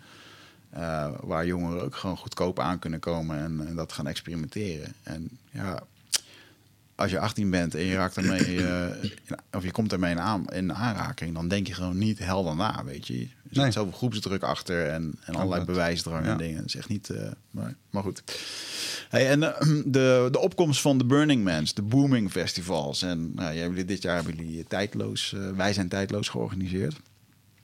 Toch, zo weten het. Wij zijn tijdloos. tijdloos, ja, om, de, om, de, website ja. te krijgen, ja, moeten we bij zijn. Okay.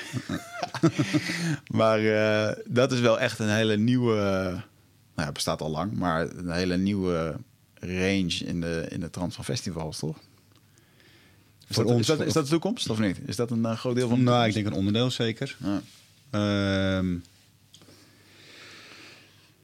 ja, ik, ik, weet niet of je daar nog later over wil, maar voor, voor mij is het een belangrijk onderdeel van mijn leven. Mm. Uh, en ik heb ook veel meer jongeren. We zijn, we, zijn begonnen toen we 18, 19, 20 waren. En ja, inmiddels hebben veel van mijn vrienden en mijn kinderen. En je gaat toch denken van oké, okay, uh, uh, wat is nog meer onder de zon? Ja. En wij reizen zelf ook veel naar andere festivals. Ik ben nog niet naar Burning Man geweest. Staat hoog op het lijstje. Nee, ik ook niet. Nee, moet er wel nog heen. Uh, ja, transformational festivals, hè, zoals, zoals, zoals, zij zichzelf noemen.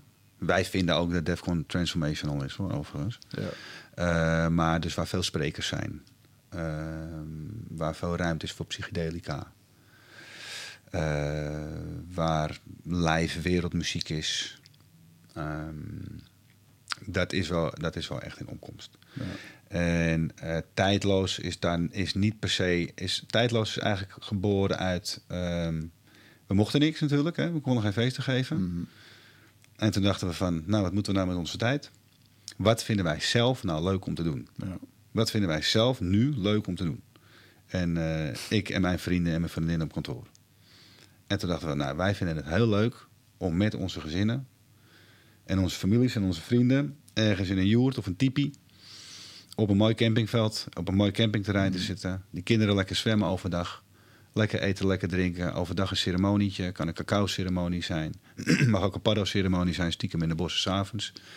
Uh, een beetje dansen. Heerlijk. Ja, dat, ik, wij, wij verkopen geen paddenstoelen. Nee, nee, nee, het, het, gebeurt gewoon, dat, soort dingen. Ja, tuurlijk. En um, dat wilden wij. Wij wilden zelf gewoon een, eh, een, een, eh, een ja, mooie campingervaring hebben. En toen dachten we van nou, let's go for it. Ja. is er nog een camping ergens in Nederland die het niet goed doet? En dan huren we die voor uh, acht weken. Ja. En dan gaan we ervoor. Ja, kicken. En met groot succes. Ja, was goed. was echt heel leuk. Dit jaar, weer, dit jaar weer of niet? Of even... We zijn een beetje aan het rommelen. Want uh, wat, de, wat, de, lokale gemeente heeft gezegd... jij moet een vergunning aanvragen. Hmm. Dus wij vragen een vergunning aan. Ja, we nemen geen vergunningen in aanvraag. in behandeling. Vanwege de maand corona. Ja, terwijl, ja, zeg maar een beetje vaag weer. Hmm. Dat, is, dat is nou zo typisch iets. Vorig jaar was het gewoon echt goed. We hebben ons gehouden aan de regels, niks aan de hand. Waarschijnlijk, omdat het in juli en augustus is, kan het gewoon veilig plaatsvinden. Maar je moet een vergunningprocedure doorlopen. Nou, dat weten we. Dat duurt gewoon twaalf weken. En dan krijgen wij ergens in uh, mei te horen of uh, april te horen. Je kan, dan zijn we alweer te laat. Dus risico, ja. We zijn nu bij andere gemeentes bezig die uh, weer wat makkelijker zijn. Dus daarvoor zou je verwachten van dit is het overheidsbeleid, zo doen we het. Maar de ene gemeente neemt het wel een behandeling, de andere niet. Ja, ja, ja. Dan ga ik je de laatste vraag stellen over de evenementen, corona en dat soort dingen. Omdat ik, ik had gevraagd op mijn Instagram wat ik jou moest vragen. En heel veel mensen die vroegen Ehm, hoe gaan we dit straks doen als we weer open mogen? Heel veel LBO'ers. Want iedereen gaat helemaal los. daar, daar zit een hele grote kans in. Daar had ik nog niet eens over nagedacht. Dat iedereen een soort van, ja, we mogen weer. Maar, ja. Uh, ja, weet je, dan heb je bijvoorbeeld over, er wordt nu gesproken over van, die, van dat iedereen met een, met een, uh, een kaartje dat je getest bent of dat je straks je vaccinatie hebt. Gaan we straks echt zo'n tweedeling krijgen dat je dat we een aparte rij hebben voor mensen die met dat paspoortje sneller naar binnen kunnen of zo? Is dat nou, iets jullie... Uh... Ik, ik, moet er niet aan denken. Ik moet er echt niet aan denken. En ik, ik hoop echt dat we niet in die hoek geduwd gaan worden. Hmm. Dat mensen moeten. Kijk, ik hou me lekker neutraal als het gaat over wie, wat doet. Ja, wat, wat hun mening is over of ze dat vaccin wel of niet willen nemen. Uh, uiteraard hoop je dat er een oplossing is. Dit lijkt de oplossing. Uh, dat mensen een vaccin moeten gaan nemen. um, Maar om te zeggen, als jij je geen vaccin hebt, dan mag je niet naar binnen. Dat, dat, vind ik, dat vind ik niet kunnen, dat wij dat kunnen zeggen, als organisatie. Als dat gezegd wordt, dan moet het de overheid maar zijn die het ons verbiedt om mensen naar binnen te laten. Maar wij gaan helemaal niks verbieden, wat mij betreft. Nee. Van ja, heb je geen vaccin, mag je niet naar binnen. Daarmee kiezen wij een, standpunt wat helemaal niet aan ons is. Dat is echt typisch voor de overheid, mm. om dat soort dingen te zeggen. Ik kan me niet voorstellen dat ze dat gaan verplichten. Al zie je wel airliners al, bijvoorbeeld uh, Qantas Airlines, die had gelijk al gezegd, uh, alleen met vaccin mag je nog maar vliegen. Ik kan me iets voorstellen dat, uh, dat je alleen maar naar binnen mag als je of gevaccineerd of getest bent. Nou, testen, dat, dat snap ik, weet je. Dat als we nog erin zitten en we zijn op het randje van eruit komen, dat een evenement dat je naar binnen alleen mag als je getest bent. Ja. Fair enough, weet je. Dat hmm. snap ik wel. Als wij, daar weer, als wij daardoor weer feesten kunnen geven door mensen die getest zijn naar binnen te laten. Ja. Dan, dan snap ik dat, weet je. Maar het is natuurlijk allemaal armoede.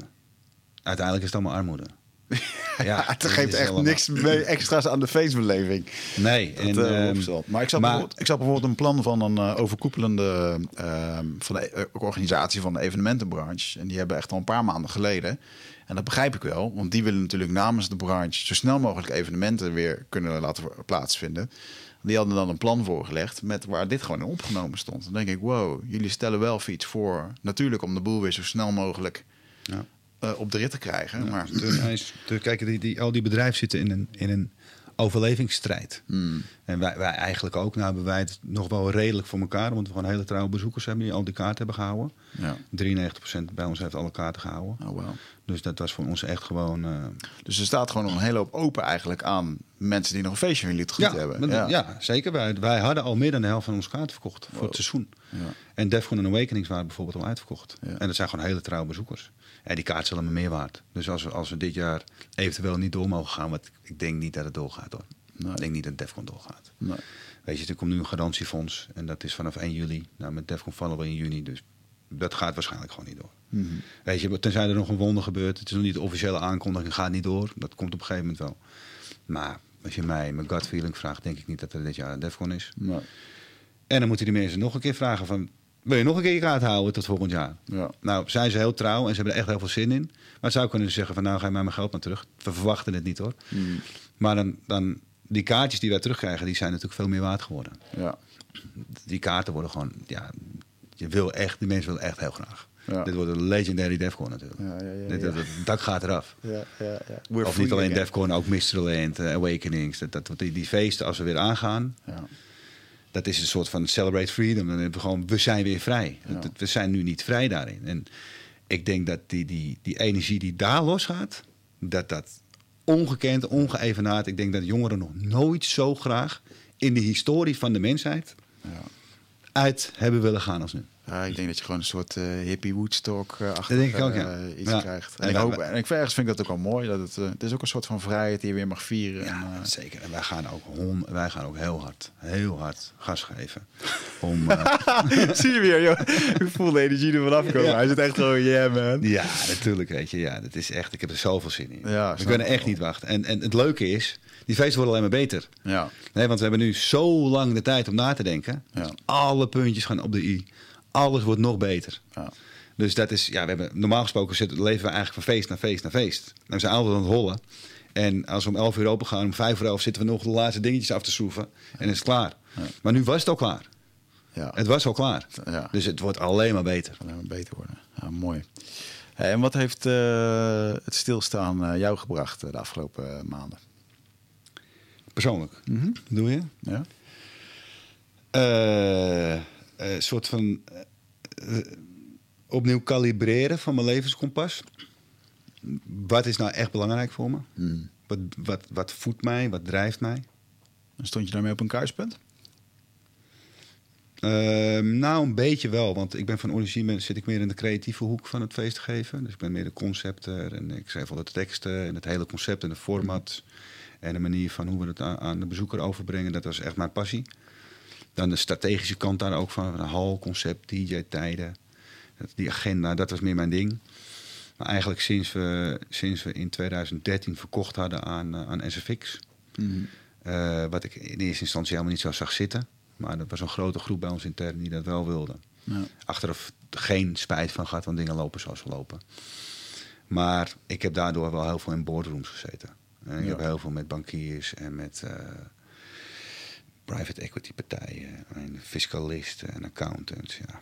ja. Daarvoor ben ik geen feest gaan geven, zeg maar. Dus ik, ik zat wel een beetje op een kruispunt, omdat ik dacht van...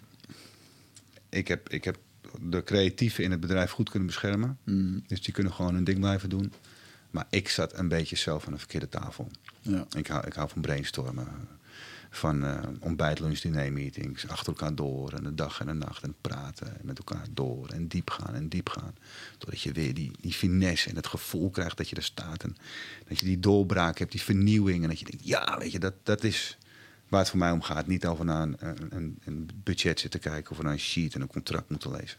Daar ging het voor mij een beetje naartoe, omdat ik uh, de chairman of the board ben, of toen de CEO was. Mm. En ik dacht van, nou, dat hoeft voor mij niet meer, weet je. En toen was het afgelopen. Opeens gingen we dicht. En toen dacht ik wel van, dit is wel een moment om gewoon die knoop door te gaan hakken. Dat ik, als ik straks terugkom, jongens, ik vind het allemaal best. Ik ben geen fiscalist, ik ben ook geen accountant, ik ben ook geen lawyer. Van 1 euro, 2 euro maken interesseert me niet zoveel. Daar is me nooit om te doen geweest. Geld komt toch wel achter goede dingen aangehold. Ik ga dat niet meer doen. En prompt zit ik nu weer aan die tafel. Toevallig had ik vandaag nog zo'n call en ik hang op. Ik denk, dit is niet mijn ding. Ik vind het gewoon echt niet leuk. Nee. En het gaat er ook niet over. Alleen, het lijkt alsof heel, veel, heel vaak is, is succes uh, wordt geslachtofferd zeg maar, aan de financiële wereld. Van, gaat goed, dan mhm. komen de mensen gaan investeren, het moet beter, het moet mooi. Mijn tip, blijf er zo lang mogelijk van weg, want het geld maakt je toch niet gelukkig. Heel eventjes misschien, mhm. maar na een paar weken is net mijn nieuwe auto. Je rijdt er in een paar weken later, weet je niet meer eens. Ja. Dat je erin zit. Hetzelfde met, wat mij betreft, met, met geld. Mensen zeggen altijd, ja, je hebt makkelijk praten. Maar dat is nou maar mijn ervaring. Ja. Dat het een kortstondig uh, voldoening geeft. Dus uh, heeft voor mij... Heeft het je ook wel onrust uh, gegeven? Want bedoel, je hebt het uiteindelijk goed kunnen verkopen aan, uh, aan de Amerikaanse club. En daarvoor deed, het, deed hij het natuurlijk ook al gewoon goed. Dus ja, weet je, financieel heb je het dan gemaakt. Maar heb je dat gevoel... Heeft je dat ooit een ander gevoel gegeven? Of heel tijdelijk? Of? Ja, ja, voor mij is, is mijn spirituele reis begonnen toen, uh, toen ik echt uh, mijn eerste serieuze geld op mijn rekening had. Hmm. Ik heb gewoon heel lang gedacht, echt oprecht gedacht. Um, dat als ik, als ik vriendschappen had, gezondheid had, lekker de wereld over kon reizen. Mijn huis had, mijn auto had. Um, eigenlijk die westerse checklist allemaal vinkjes bij had, dan ben je gewoon gelukkig. Dan ben je blij. Dan moet je blij zijn. En ik was niet blij. Dus hmm. ik kon wel alles kopen. En ik kon wel overal naartoe reizen. En ik had gewoon mijn vrienden. En ik, ik had een leuke vriendin. En als ik de bankrekening opende, stond er ook een goed bedrag. En ik voelde me niet lekker. Ja. En ik was onrustig. Maar ja, rust kan je niet kopen of zo. Dus ja, wat ga je doen als je, als je zogenaamd alles hebt? Ja. En ik wist dus, ik wist ook echt niet wat ik moest doen. Ik wist gewoon echt niet. Ik dacht, shit jongen, heb ik, heb ik gewoon echt... Ja, maar jij bent toch hartstikke blij? Je hebt toch alles wat je wil? En dan dacht ik, ja, ja ik heb ook alles wat ik wil, maar toch, weet je, toch, ik, ik, weet het niet. Ik ben gewoon, ja, als ik eerlijk ben, ik ben helemaal niet zo blij eigenlijk. Ik ben gewoon onrustig, ben gefukt. Vliegtuig in, vliegtuig uit, uh, haasten. Hmm. Die auto, ja, leuk of zo. En uh, dat ik nu business class kan vliegen, ook leuk. Maar ik, ik, ik voel me gewoon niet lekker. Ik weet het niet. Ja. En toen, toen, toen, was ik, toen was ik een jaar of 28, 29, 28. En toen mijn maatje Wilderik, met wie ik Qness heb opgericht. Toen hebben we stout schoenen aangetrokken. Toen zijn we naar India gegaan. Want als je het echt niet weet, toch? Ja. Dan moet je maar naar India of zo. En dan ga je met zo'n swami ergens uh, op een berg uh, doen wat zij ook doen. Mm. En uh, dat was in mijn geval was dat twee weken stilte. Ja. Heb geen bereik hadden we. En daar is het voor mij wel echt begonnen.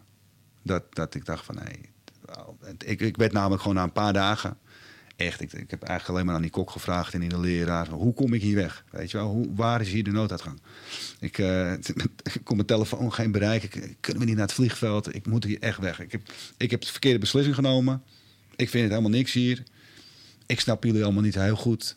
Dit is niet wat ik bedoelde. Ja. Mag ik naar huis? Hé, hey, wacht nou nog even, wacht nou nog even. Ik vond het eten niet te vreten. Shit, ik lag, zo laat ik plafonddienst de hele tijd. De hele dag naar het dak liggen staan. Ik, shit moet hij weg. En op dag vijf, echt als een donderslag bij heldere hemel, in stilte, want je mocht ook gewoon voor de rest helemaal niks, werd ik rustig. En het was echt, het overviel me echt. Hmm. Het overviel me gewoon een rust, een innerlijke rust, die echt uit het niets kwam opzetten. Wat voor mij zo'n overweldig was, was een soort van tien, tien ecstasy-pillen tegelijk insloegen. Zo voelde ik me echt. Hmm. Heerlijk. En dat, dat, duurde ook nog eens de rest van die hele retraite. Ik heb een warm bad van chillheid zat ik. Ja. En dat was voor mij echt het begin van... Hey, dit, het zit dus inderdaad wat ze zeggen. Hè? Dus het zit in je, het zit in je. Ja, geluk zit in je. Hmm. Dat, dat voelde ik toen echt.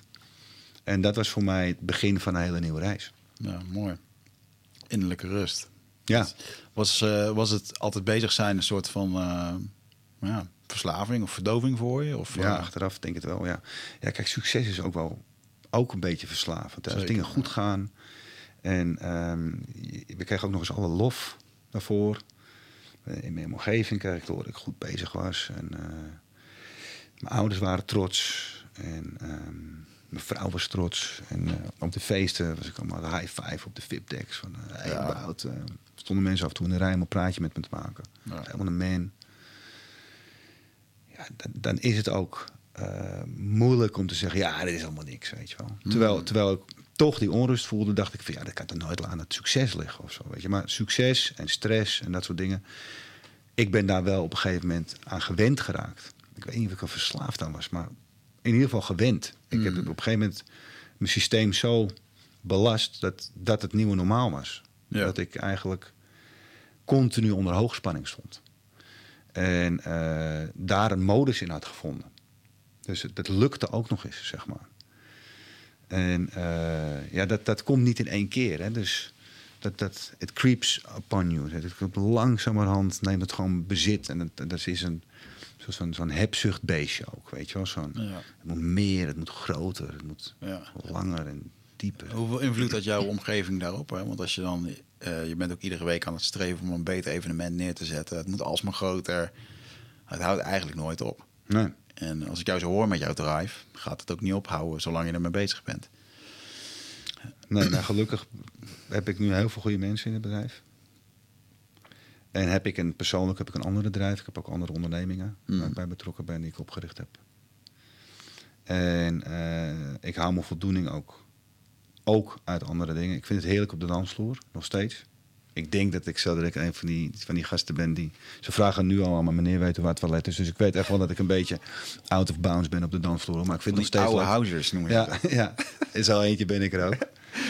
um, nee, maar uh, ik, ik, hou, ik hou ook voldoening uit andere dingen. Dus vroeger moest het echt uit die feesten komen. Moest het uit het succes komen. Hmm. En ik haal het nu ook uit, uit mijn joert en mijn tuin.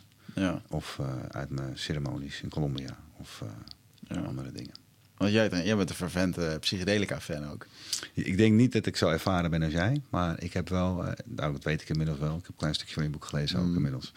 Mooi, leuk. much respect. Uh, ik heb het wel vaak gedaan. Mm. het, ik bedoel dan in dit geval San Pedro, ayahuasca.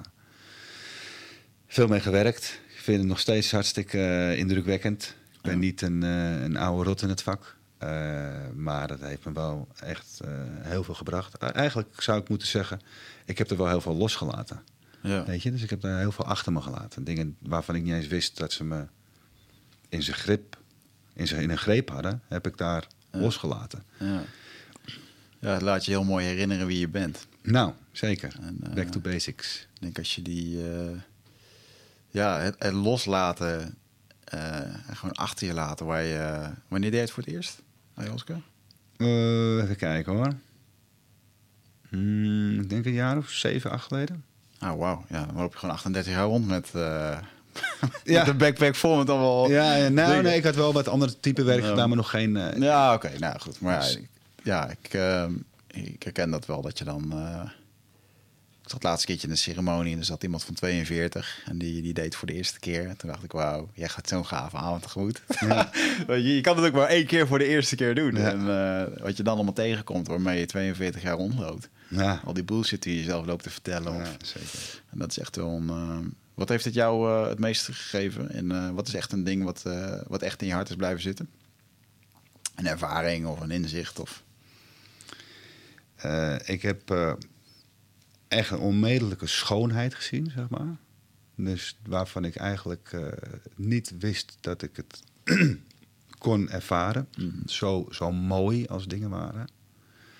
Dat heeft me heel erg geraakt. Dat heeft me echt, me ja, voor lekker voor better word, mijn hart echt vol laten stromen, zeg maar, weet je. Dus ik, ik, daar was ik echt ontzettend van onder de indruk. Mm. Van de schoonheid van, uh, van de creatie eigenlijk. Dat is dus heel indrukwekkend voor me geweest. Wat heel indrukwekkend was, is, uh, dat is het persoonlijke verhaaltje. Maar goed, dat kan wel. Zo vaak doe ik niet praatjes, dus dat kan ook wel. Ik heb ooit een epilepsieaanval gehad toen ik 14 was. Dat was een hmm. hele indrukwekkende ervaring in mijn leven. Ik, in één keer werd ik eruit gerukt, heb ik uh, een kwartier op de grond gelegen en uh, dagen daarna geslapen. Was heel heftig, was dat opeens een epilepsieaanval. Hmm. Dat is eenmalig gelukkig. Als je twee keer krijgt, dan heb je epilepsie. Dus ik heb eigenlijk jarenlang gedacht van shit, heb ik dat? Weet je, komt het nog een keer? Want als je het nog een keer krijgt, dan ben je de Sjaak kennelijk. Nooit meer gekomen. Maar wel echt een, echt een, een, een, echt een trauma. Echt een trauma. Ik durfde heel lang niet te zwemmen. Ik dacht, als ik het nu krijg in het water, dan zink ik. Dus ik had echt een trauma. En toen bij die eerste ayahuasca-ceremonie... die, die, die epilepsieaanval begon met trillende vingers. Hmm. Dus ik had dan, uh, waren we naar Groningen gereden. Was niet eens in Colombia. Dus wel een, goede, wel een hele goede shaman, by the way. Een Colombiaanse shaman. Die was dan naar Nederland gekomen. ik weet wie, uh, ja. wie het. Ja. En uh, nou, we deden dan uh, die ceremonie. Dus kopje, eerste kopje. En nou, anderhalf, twee Ja hoor, begin mijn vinger te trillen. Ik denk, nee. Dat had ik echt al twintig jaar niet gehad of zo. Ik denk, dit kan niet. Dat ik dat nu... En toen voelde ik dus, op, toen, toen kreeg ik dus een inzicht, of ja, het daalde op mij dat ik geheeld ging, werden, ging worden, die, die, dat trauma, dat gevoel. Dus ik begon echt te trillen en zonder angst. En toen in mijn hoofd zag ik dus allemaal blauwe lijnen en werd alles gerewired en opnieuw aangelegd. En dat zag ik gewoon een soort van, zag het echt voor me, hmm. hoe ik daar gerewired ben, werd. Hoe ik geheeld werd, hoe dat trauma eigenlijk uh, omhoog gehaald werd, geheeld werd. En sindsdien heb ik echt, ik ben er helemaal vrij van. Zelfs als ik een trillend vingertje heb, helemaal nul gevoel meer bij. Echt. En dat was eigenlijk mijn, wat was de, twee uur nadat ik het eerste kopje had genomen. En ik was daar zo dankbaar voor dat dat kon. Want ja, je kan naar een therapeut gaan of je kan van alles doen. En dan kan je er 3000 uur over kletsen. maar in, ik, in twee uur tijd, ik weet echt, ik had helemaal geen tijdsbesef. Maar in een hele korte tijd was ik er vanaf. Was ik er doorheen, was het klaar, was het rond. Hup, backpack af, doei. Weg. Ja, en dat, dat was echt, dat heb ik eraan overgehouden. De laatste kaarten zijn beschikbaar voor het Ride of Passage Retreat op 24, 25 en 26 mei. Ben jij erbij? Het is een volgende stap in je persoonlijke groei. Uh, een weekend waarbij de belofte is dat het een tikkeltje oncomfortabel gaat worden. Maar daar ligt natuurlijk wel gewoon de groei om meer helderheid te krijgen in je leven. Om uit je hoofd te komen, in het lichaam. Um, achter te laten wat je niet meer dient. En om echt de volgende stap te maken door de oude patronen te doorbreken, te doorzien, te doorvoelen en, en te helen. En daarvoor wil ik je heel graag uitnodigen. Uh, en ik hoop dat jij een van die laatste bent die nog aansluit bij het Ride of Passage Retreat. Ga naar wichertmeerman.nl, klik op Retreat en ik zie je daar.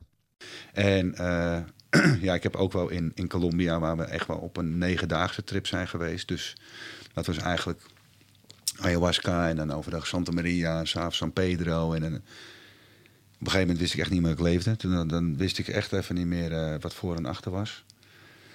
Maar daar ben ik zo in contact geweest met de natuur. Hmm. En ik voelde me zo één met, uh, met die ontzettend mooie Amazone. Uh, dat, dat zou ik ook nooit meer vergeten. De eenheid die ik daar heb ervaren. Hmm. En ja, ik kan hele bizarre verhalen over vertellen. Over dat, echt, dat ik echt dacht, dat voelde dat ik met die vogels gewoon ja, in contact was. Ja, nou, we kregen op een gegeven moment kregen we Santa Maria druppels. En dan moesten we dan, iedereen moest vanuit het retreatcentrum bossen in. En dan kregen we de vraag, uh, maar hij wist het heel goed te zeggen. Ik kan het hier natuurlijk nooit zo en met zoveel uh, intentie of passie kan ik het overbrengen. Maar hij zegt, oké, ga je de bossen in. Ik heel pipetje, tien van die druppels. En dan was de vraag, je gaat de bossen in, dan ga je zitten, hele dag. Dan vraag je, wat wil jij nou? Wat wil jij nou? Nou, begin, ja, ik weet wel een beetje wat ik wil. Of ja, ik wil gewoon. Maar ik dacht, op een gegeven moment ging die bossen. En het begin was het echt van, ik heb echt geen idee wat ik eigenlijk wil. Ik weet helemaal niet wat ik wil. Wat wil ik eigenlijk? Wat wil ik nou? Wat wil ik? Wat wil ik nou? En wat er toen gebeurde, zeg maar. Ik zat dus op een gegeven moment kwam, ging dat spul ging goed werken. En kwam ik in tune, zeg maar, met, met de natuur. Dus uh, ik dacht, wat mooi eigenlijk, die vogels die ik horen zingen. Wat mooi, het mooie is dat eigenlijk, zeg. Hoe ze zingen. En toen ik me dat realiseerde, leek het alsof het hele bos een concert voor mij ging zingen. Hmm. Alsof, ik, alsof dat op mij reageerde. En dacht, nou, dat kan niet. Ik denk dat wat mooi is dat zingen en iedereen begint te zingen. En ik had helemaal niet. En dat werd, ik werd zo overweldigd daarvan. Ik van, nou, het lijkt wel alsof ik één was. En toen kwam er dus, en dat is dus echt gewoon voor mij een te bizarre ervaring. Er echt zo'n hele mooie vogel. En die kwam zo bij me gevlogen en die, die ging hier zo op zo'n, ik zat onder een boom, takje, die ging gewoon hier zitten. Dat was voor mij echt, dat kan niet. De vogel die vliegt bij je weg als je je ziet in plaats van dat hij op je afkomt gevlogen. Kennelijk was ik zo één en in tune... Mm. dat die vogels zich helemaal niet bedreigd voelden door mij. Maar dat, dat, dat zijn ervaringen, dat, dat vergeet ik gewoon nooit meer. Ja. Dat was zo ontzettend indrukwekkend. En ook uh, hartverwarmend, maar ook heel emotioneel. Dus ik heb ontzettend zitten huilen daar. Mm. Van hoe, hoe ook weer schoonheid, hoe, hoe mooi en hoe verbonden eigenlijk alles is. En hoe we daar onszelf ja, als separaat van mm. zien. Mm. Van, ja, je hebt die hele mooie Amazone en al die apen en al die vogels en de jaguars. En je hebt mij. Ja. Als los poppetje daarvan die daar los zit. Of jij hebt jou daar en je, en je hebt mij hier. Mm. Dat, dat separate, dat los. En dat, dat, dat separate viel daar weg. Dus die eenheidservaring, dat was overweldigend. En dat, is, dat kan me nooit meer verlaten ook. Ja, ja dat is mooi. Ik weet nog goed dat ik daar was en dat... Uh dat ik zo'nzelfde ervaring had. Dat ik, liep al een paar weken in die heilige ruimte zat ik. Moet je voorstellen, gewoon een voetbalveldje waar ik mocht bewegen. en uh, geen zout, geen suiker, dus je wordt helemaal gevoelig. En dat, het, twee mooie ervaringen die ik dan hierin wil delen is dat, dat ik de eerste dagen dat ik echt op dagen heb lopen janken, dat ik niet met mezelf wist wat ik, wat ik met mezelf aan moest. Dat ik ook op een gegeven moment hardop zat te praten, omdat ik me zat te vervelen. En echt alsof ik zo'n soort van gek aan het worden, worden was. En op een gegeven moment, als je al dat hebt gehad, je hebt al dat, op een gegeven moment is gewoon al je energie is verspild, alles wat je wil zeggen, alle gedachten, alles is gewoon een soort van, het raakt gewoon op. En dan in één keer blijft er niks anders meer dan alleen maar ja, jij. En dat was zo'n mooie spiegel dat alles wat hier zo makkelijk te krijgen is, die erkenning, Facebook, Netflix, dopamine shot, cafeïne, dat is daar allemaal niet. En dan blijft er op een gegeven moment nog maar één ding over. En dat is gewoon jij en die natuur. En de enige die iets over jou vindt, ben jezelf. Hmm. En die natuur, die geeft zero fucks over jouw Q-dance, over jouw geld, over je emoties, over je zelfmedelijden. En dat, dat ik gewoon een soort van opgeslokt kon worden daardoor, als ik niet gewoon mee zou gaan erin. En um, ja, dus daarin was de natuur echt al een, een, eh, een teacher voor me. En, en, later had ik een keertje, dan dronk ik daar over, over de ayahuasca en dan liep ik door dat bos en op een gegeven moment dan hoorde ik... Uh, ik denk, vaag geluid. Het lijkt wel alsof we ergens een ceremonie aan het doen zijn. En dat ging zo een paar dagen door. En ik vond het vaag, want ik zat alleen in die vallei. Er was helemaal niemand daar. En toen, ik had ook nog gevraagd aan zo'n Indiaan: van, joh, is het er, wordt er ergens een dorp verder een ceremonie gegeven of zo? Nee. En na een paar dagen legde ayahuasca me in één keer uit van ja, het is het bos. Dus jou, uh, je aan het leren om uh, van die chants te, te, zingen. Toen dacht ik, oh shit joh, dat zijn gewoon, dat zijn de liederen die ik herken. Dat zijn gewoon geluiden uit het bos, weet je wel. Wat ze allemaal mm. kopiëren en zo. Ja, echt. Ja, ik vind het soms jammer dat ik als ik, uh, als ik erover spreek voor, uh, voor bedrijven, dan, dan doe ik 45 minuten een praatje. En dan, dan kan ik hier niet echt de diepte in mm. gaan. Maar dit is wel echt de, de magie over wat daar gebeurt. En hoe ver we eigenlijk verwijderd zijn van, van de natuur. De natuur vertelt je alles. Al die frequenties, al die tonen, al die dingen. En ik ben daar ook een keertje geweest toen ik daar uh, voor een, de tweede keer dat ik heen ging, ben ik ingewijd in de stam. En toen hebben we een ritueel gedaan, vier dagen vier dagen lang werd je dan ook wakker gehouden en mocht je geen, geen ayahuasca. Maar dat ze gewoon 24 uur om je heen aan het chanten waren met 20 man. En wat er dan allemaal gebeurt, is gewoon, ja, het was gewoon hetzelfde als een ayahuasca-trip. Ja. Gewoon wat je allemaal zag, wat je voelde. En dat ik daar, dat ik daar ook echt zag, dat ik dacht van, was, was je echt helemaal niks in Nederland wat we aan het doen zijn, weet je wel, met de natuur. dat is wel mooi om... Uh... Vet zeg, nog nooit van gehoord. Hoe heet dat? Ja, dat was het, het baptism. Uh, dus eigenlijk een, een baptismo, noemen ze dat in, in Portugees. Eigenlijk een um, spirituele inwijding. Dus het is ongeveer, het is eigenlijk iets wat men doet rond het twaalfde jaar. Um, om van jonge naar volwassen persoon te gaan. En, um, maar ook een spirituele inwijding om met ayahuasca te mogen werken. En, uh, dus dan word en zoals bij elk ritueel word je dan ook gewoon fysiek afgepeigerd overdag. Met allemaal oefeningen. En uh, vervolgens word je in een hangmat gezet. En in die hangmat gingen de, de vrouwen en de kinderen een aantal uur voor je zingen. En dat deden ze. En dan schudden ze aan je hangmat. Om je, dan moest je wakker blijven. En dan gingen zij zingen. En in het begin dacht je, oh wat lief, al die indianenkindjes, weet je wel. En de hele tijd hetzelfde deuntje. En ik weet nog dat ik na, na een uur dacht, ik word hier echt helemaal gek alsof ik zo'n soort magnetron zat. Zo voelde het. ja. En, uh, maar ik voelde wel heel erg... Je voelt gewoon dat er wat gebeurt. En um, ja, het is gewoon energiewerk. Ja. Chance, of je nou uh, weet je, je intentie uitspreekt of... Um, en het is, het is enerzijds ook zo makkelijk te verklaren. Want als jij een verjaardagsfeestje hebt en ik heb net ruzie met mijn vriendin gehad en ik kom binnen, dan voelt men dat dat het niet oké is. Dat er net wat is gebeurd. En ja, en dat vind ik wel echt een. Uh, er valt nog zoveel in te leren en te ontwikkelen voor onszelf. Nou, zeker. Dus, um, en, je doet het nu nog steeds wel eens? In de zin van, uh, ja, ja dat, je hebt een, een youth achter in je tuin. Dus daar trek je nog wel eens terug om daar uh, tot inzicht te komen. Ja, ja, je weet natuurlijk nooit wie er allemaal naar je podcast kijkt. Maar ik heb overmorgen heb ik een uh, ceremonie Ja. ja. Golden Teacher, weet niet of jij dat... Uh... Ja, dat is, ja, het is de steen. Ja, ja, ja, ja. En um, ik doe het wel ceremonieel, dus mm. het is niet... Ik, ik, heb het heel lang geleden recreatief gedaan nog. Mm. En gewoon met een paar vrienden lekker kijken, parootje. Mm. Um, maar dit, is, dit doen we wel ceremonieel. Ja. Dus het is ook echt wel... Uh, ik ga er met een, met een intentie in en uh, neem het serieus. Ja. Weet je, ik... Uh, ja, we hadden het daar zo straks over, hè, dat over... Um, die zei van, ik ben er niet angstloos voor. Ik denk op het moment dat je er angstloos voor bent, dat je, dat je echt een grote fout kan begaan. Hoe vaak je het ook hebt gedaan, dat ik er altijd met een gezonde spanning en nederigheid in Ja, ja, zeker. Die, die nederigheid en die, het respect voor de, spirit of the mushroom, weet je. En de, de spirit of uh, Santa Maria of de spirit van San Pedro of ayahuasca. Ja. iedereen die, dat, die daarmee gewerkt heeft en die die spirit heeft ervaren, weet gewoon.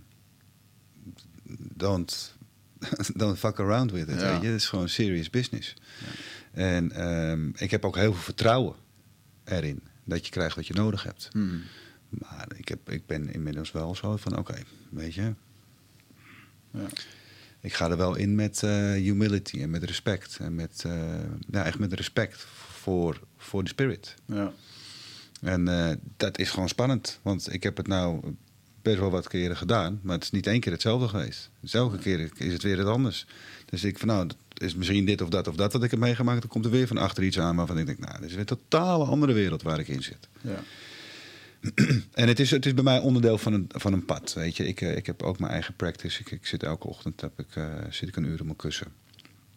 En dat doe ik echt al heel lang. En ik heb ook al heel veel verschillende soorten practices gedaan op mijn meditatiepad. Uh, en dit is, dit is het werken met medicijnplanten is ook een, een onderdeel of een manier om mijn pad te verdiepen. Ja. En ook om inspiratie uit te halen. Je, ook om, om inzichten te krijgen over niet alleen over mezelf, maar ook over op welke manier ik hier een, een rol kan spelen waar mensen wat aan hebben. Ja. Uh, dus het is, het is een onderdeel van mijn pad. Ja, ik heb dat ook vaak van mensen die dan zeggen van ben je er dan nooit klaar mee? Waarom moet je dat iedere keer doen? Dan denk ik, ja, je begrijpt niet dat dit gewoon inherent onderdeel is van wie ik ben en hoe ik dat wil bewandelen en wat ik eruit haal. Ja. Weet je of het nu een. Uh... Denk je dat het voor iedereen goed is? Nee. Nee. Ik denk dat iedereen wel echt zijn eigen Weet je, je moet het een beetje zo zien. Als jij met jouw vrienden naar een feestje gaat ehm, en je geeft ze allemaal uh, tien biertjes, dan worden ze allemaal op een andere manier dronken, maar wel altijd hetzelfde. Dus hun brein werkt op een bepaalde manier op, op een bepaald middel. En ja. Ehm, ja, dat is dus eigenlijk met alles zo. En ik denk dat uh, ja, je moet je gewoon geroepen voelen tot zoiets. Kijk, ik heb bijvoorbeeld helemaal niks met stilte of zo.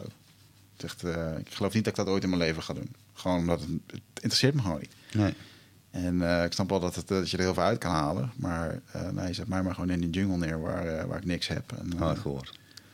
Ja, ja, ik weet niet of dat... Ja, hardcore, ja, ik voel me daar dan toch wel weer thuis. Ik denk dat voor veel mensen is het hardcore. Ik vind dan stilte vind ik heel hardcore. Ja, ja dat hoor ik ook vaak. Ja, terwijl, dus je hebt gelijk, dat is voor iedereen inderdaad anders. Dus, en ik denk ook wel dat een... Um, ja, is het voor iedereen? Weet je, toen ik hier in het begin mee begon, en vijf jaar geleden ook met de podcast, toen uh, was ik echt een soort van ambassadeur van iedereen moeten doen. Ik heb ook mijn moeder het proberen te laten doen. En uh, weet je, ik had net een, ik had de, in mijn eerste ayahuasca-ceremonie, mijn vader uh, die overleden is, heb ik acht lang een gesprek mee gehad. Dat is voor mij echt de meest spirituele en liefdevolle ervaring die ik heb mogen hebben nog steeds. Mm. Dus ik zei toen tegen mijn moeder: Ja, jij moet ook doen, dan kun je hem ook zien. Weet je, dat soort helemaal erin te trekken. En ehm, ja, ook luisteraars die echt wel op mijn verhalen daarop aan zijn gegaan en dat soort dingen zijn gaan doen. Maar uh, ook wel eens reacties gehad van mensen die zeiden: van ja, dit uh, it ain't for me, man. Ja. En dat is dan ook wel weer gewoon hun pad om daarachter te komen. Ja. En, en, en ik denk dat het je nooit slechter zal maken. Ik bedoel, je komt er gewoon achter uh, ja, wat je nodig hebt. En mm. schijnbaar was het niet uh, ayahuasca of iets anders. Uh, nee, ik denk niet dat... En andere middelen of andere medicijnplanten zoals Santa Maria of San, San Pedro, de Nino's paddenstoel, heb je daarmee gewerkt? Ja, zeker wel, ja. ja? ja. En heb je, heb je dan eentje, heb je dan een, een go-to... Dat is mijn, dat is mijn go-to medicine? Of? Ja, ayahuasca. ayahuasca. Dat is, medicijn leert mij daar gewoon in ja, het is eigenlijk gewoon het shamanenpad daarin. Ja. En um, ik heb wel heel sterk voor mezelf dat... Um, ik vind shamanisme ook... Ik vind de magie ervan vind ik heel mooi. Ik vind het heel mooi in zo'n ceremonie te staan. En uh, die chants ben ik goed aan het leren. Um, ja, dat vind, dat vind ik magie. Gewoon. Mm. En, en, dat is een mooi detail, dat die chants uh, bij de stam waar ik kom... dan zeggen ze dat het komt uit de tijd... waar de mensen en de dieren nog dezelfde taal spraken. Ja, dus dat is ook een beetje wat ik dan net vertelde, wat je met hoort met die dierengeluiden en zo. Ja, dat vind ik gewoon magisch. En als je dat dan, als ik dat dan doe en mensen horen zeggen achteraf van, jou, eh, de papegaai vlogen gewoon door de kamer heen. Dan denk ik, ja, damn right, weet je ja, ja, ja. Dat, uh, ik kan er wel heel van genieten, maar vooral de, de finesse en de, de heling die het kan brengen op zo'n ander niveau. Hm. Omdat je gewoon werkt met ja, toch de krachten van wat hier gewoon allemaal op aarde al leeft en wat er allemaal aanwezig is. En als je het dan hebt over die, die hele pure schoonheid, ja, dat vind ik, vind ik heel bijzonder om daar, daarin te zitten. Ja. Hm. En daarom heb ik af en toe ook al moeite om ja, de moderne jungle, weet je, met alle gevaren. En uh, ben echt wat ten prooi gevallen aan de hebzucht naar geld en succes en erkenning. En nog steeds wel eens. af en toe grijpt het me nog steeds wel eens. Dan voelt dat altijd als thuiskomen voor mij. Nou. Nou, misschien hebben we wat dat betreft delen we wel een beetje het pad dat we meester proberen te worden van twee werelden, zeg maar. Ja, en ik denk dat het ook gezond is. Ik denk dat het ook heel goed samen kan gaan. En um, hè, dus als jij uh, een plantmedicijn kan gebruiken om uh, een beter leider te zijn of een betere. Uh, of, je hebt zo'n invloed met je evenement. Nou, waarom zou je dan ook niet een invloed kunnen hebben op de maatschappij om dat terug te kunnen geven of op het milieu, weet je wel? Zo is het. En, um, ja, in alle eerlijkheid denk ik dat er niet zoveel ondernemers dat soort middelen gebruiken om tot dat soort inzichten te komen. Dus... Nee, nee, ja, ik weet nog. nou, ik moet wel even kijken wat ik allemaal yes, nu komen we bij de details. en als het niet kan, kan het niet. Ja, ja, goed. Uh, weet je, het, het, gaat niet eens over mezelf. Het gaat over, over Dunkers, een van mijn beste vrienden, kennen mijn hele leven.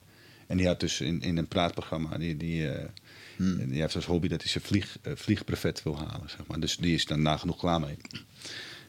met de pilootopleiding. Mm En die, had, die was uitgenodigd bij Pauw en bij Pauw. Ja. En, uh, daar, of, of, een ander programma trouwens hoor. Maar uh, hij zat ergens op televisie. En uh, toen werd er gevraagd van... aan, er zat er nog van Faya Laurens zat er nog. En nog iemand. ging over ayahuasca. Ja. En hij vertelde dus ook zijn ervaring daarmee. Nou, prompt volgende dag van het ministerie van Justitie een, een brief op ze. Ja, je mag niet meer vliegen. Wauw. Ja. ja, je hebt ayahuasca genomen, dus mag je niet meer vliegen, sorry. Serieus. Dat meen je. Ja, nou dus... Fucking helder. Je kan ook niet zomaar overal vertellen dat je het doet. Nee, nee. Want in principe, die bladeren, en jij weet precies wat erin gaat. Het, je mag het niet eens. Het mag niet. Het is verboden. Ja.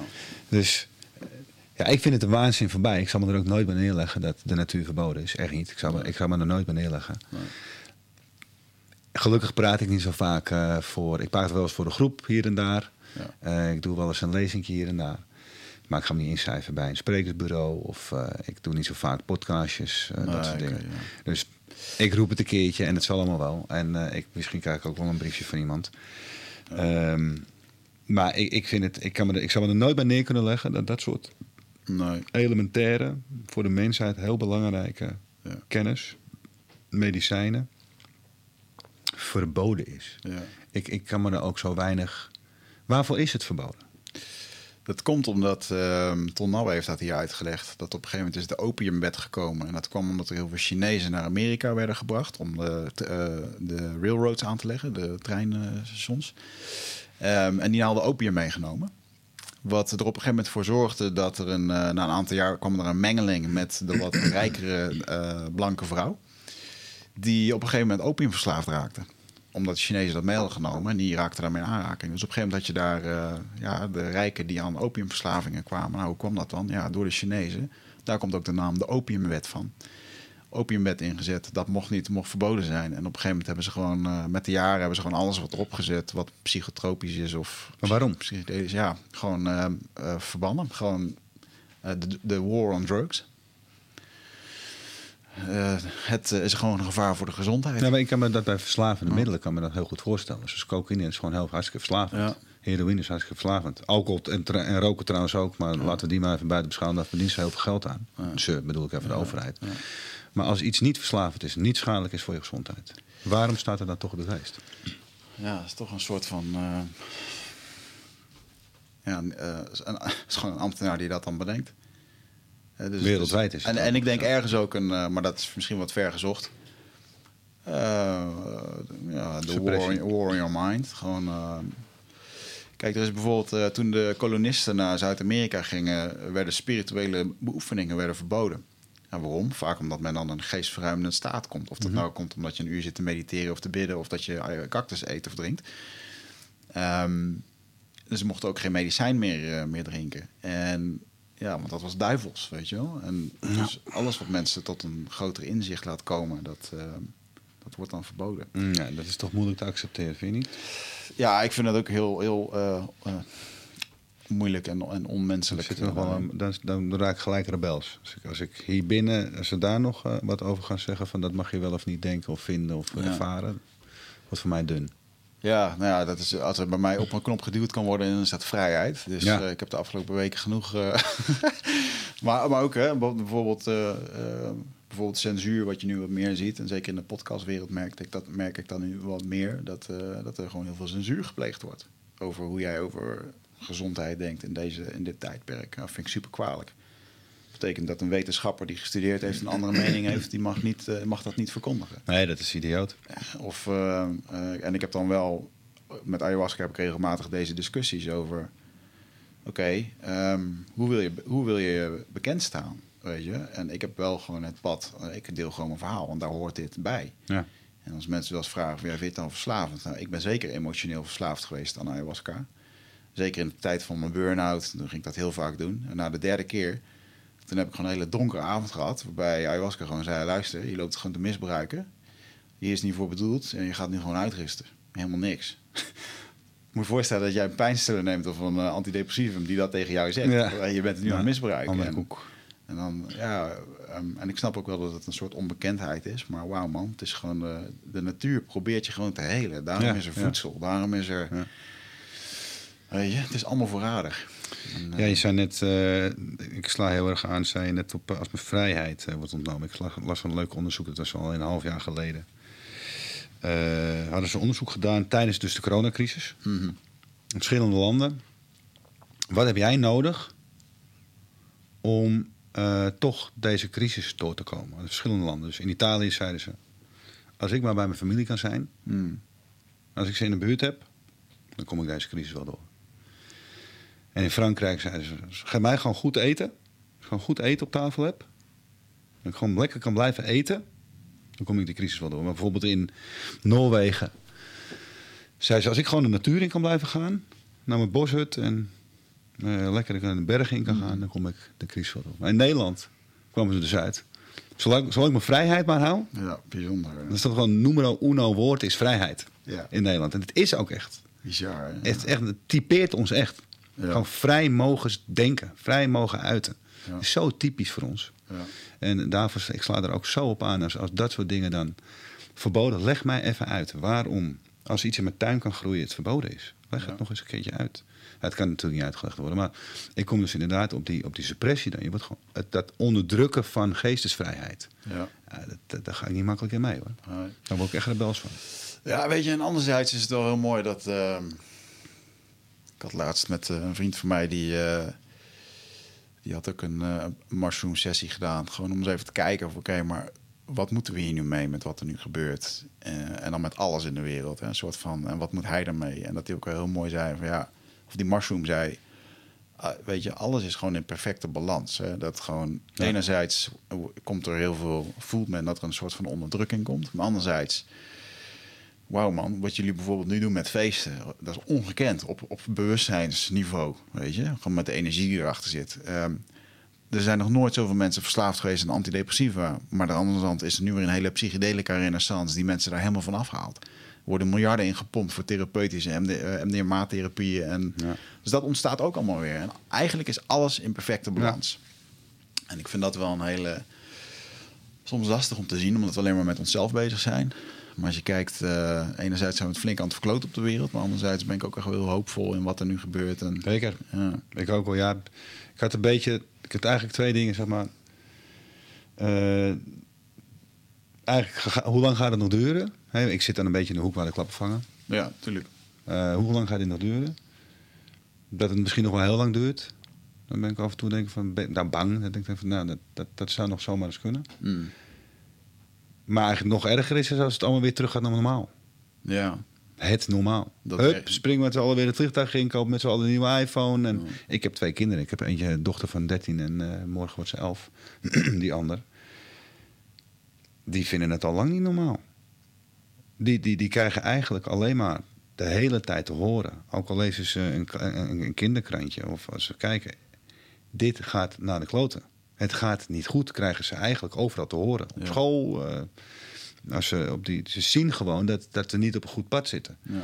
En dan zitten we nu met z'n allen te hopen dat we zo snel mogelijk weer terug gaan dan normaal. Mm. Terwijl normaal maar niet goed was. Nee. Normaal was niet de manier om ehm, het maximale potentieel uit ons als mensen te halen. Nee, we worden steeds, steeds narrow-mindeder.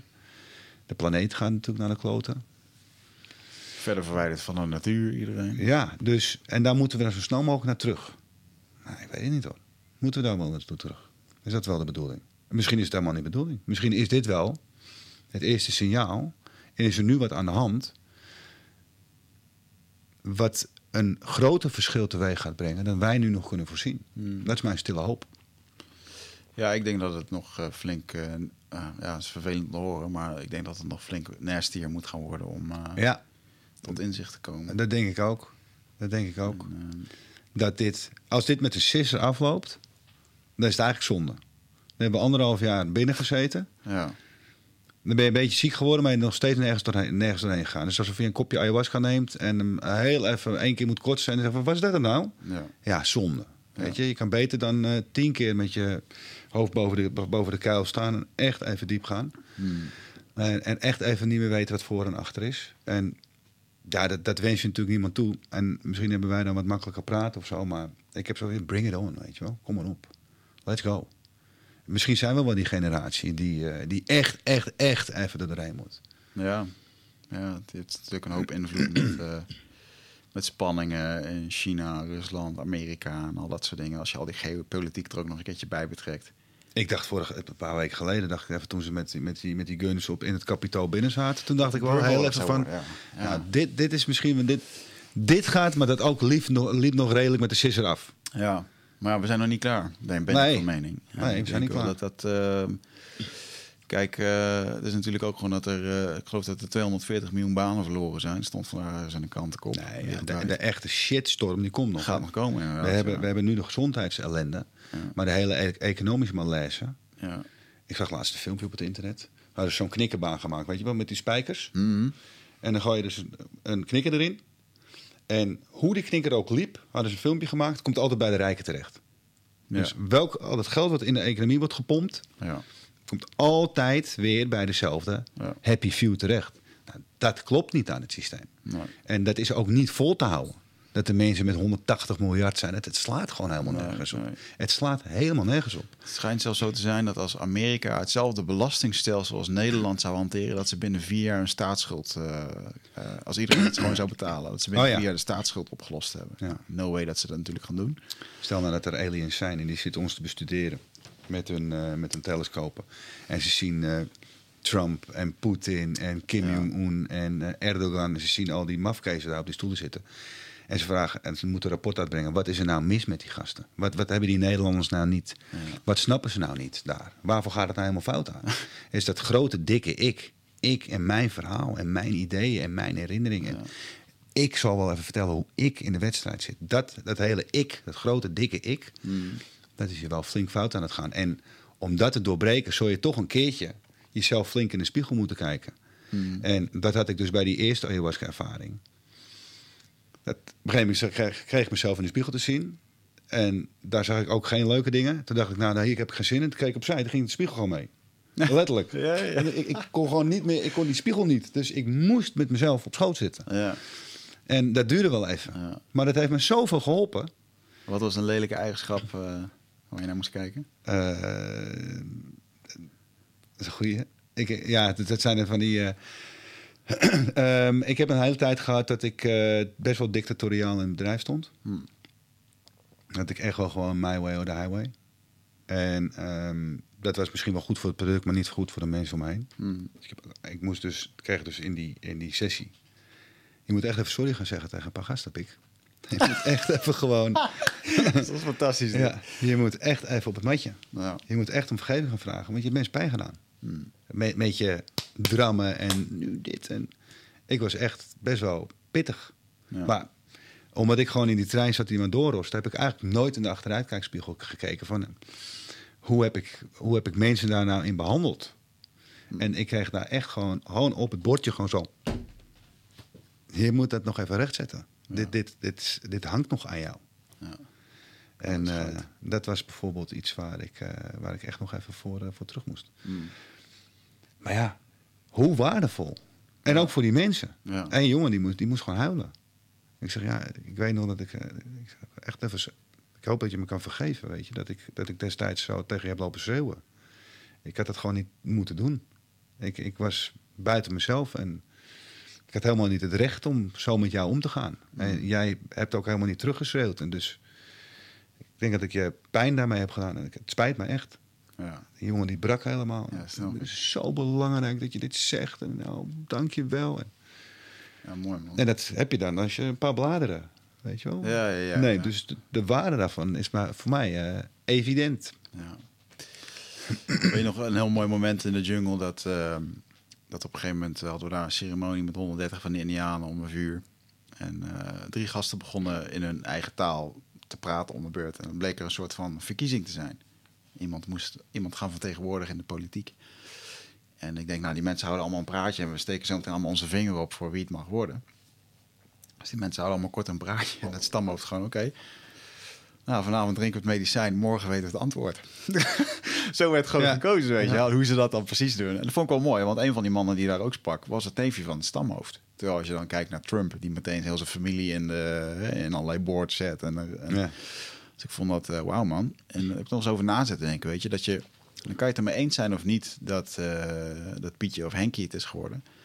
Maar uiteindelijk als dat, dit is gewoon hun geloof. Zij noemen zichzelf ook de kinderen van ayahuasca. En dat je gewoon beseft van wauw, wat de uitslag ook is. Hetgene waar wij in geloven, heeft voor ons bepaald.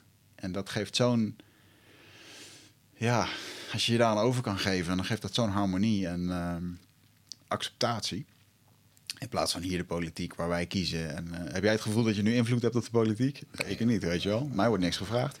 Nee, ik geloof, geloof wat dat betreft echt in ondernemerschap. Mm jij, jij, doet dit ook gewoon, boom, ik ga het gewoon neerzetten. Ik kom terug, ik schrijf een boek, ik begin een podcast, ik I go for it. Mhm. Die power die uit jouw passie en jouw ervaring voort is gekomen, net zoals wij met die feesten of met onze retreatcentrum of, of met onze clubs of met wat we ook doen, daar, daar zit iets achter. En ik geloof echt dat als ondernemer, als ondernemer kijk, dat heeft. Wij nemen ook iets van de maatschappij. We hebben het goed gehad. We, mm. leven in een bubbel. We zitten hier gezond, corona. We hebben redelijk gewoon goed voor elkaar. We nemen wat van die maatschappij. We hebben echt een verantwoordelijkheid om het terug te doen. Ja. Mocht, mocht er ooit inderdaad, kom ik weer met die aliens, zitten ze te kijken van, nou, wie, wie moet er nou wat gaan doen daar, jongens? Ik voel me geroepen. Mm. Ik voel me echt geroepen. Ik voel me geroepen om te zeggen, Agents of Light noemen we dat wel in die, in die feest, of Warriors of the Heart. Mhm. wij voelen ons echt Warriors of the Heart. Wij denken echt, wij hebben anderhalf miljoen kaarten verkopen we aan jongere mensen. Wat gaan we ze vertellen? Ja. Behalve ga lekker uit je dak. Wat zit erachter? Wat zit eronder? Wat zit erin? Wat is die onderstroom waarbij, waarbij ze nu geraakt worden? En later denken, hey, dat was vet. Dat was echt vet. Daar kreeg je echt wat mee.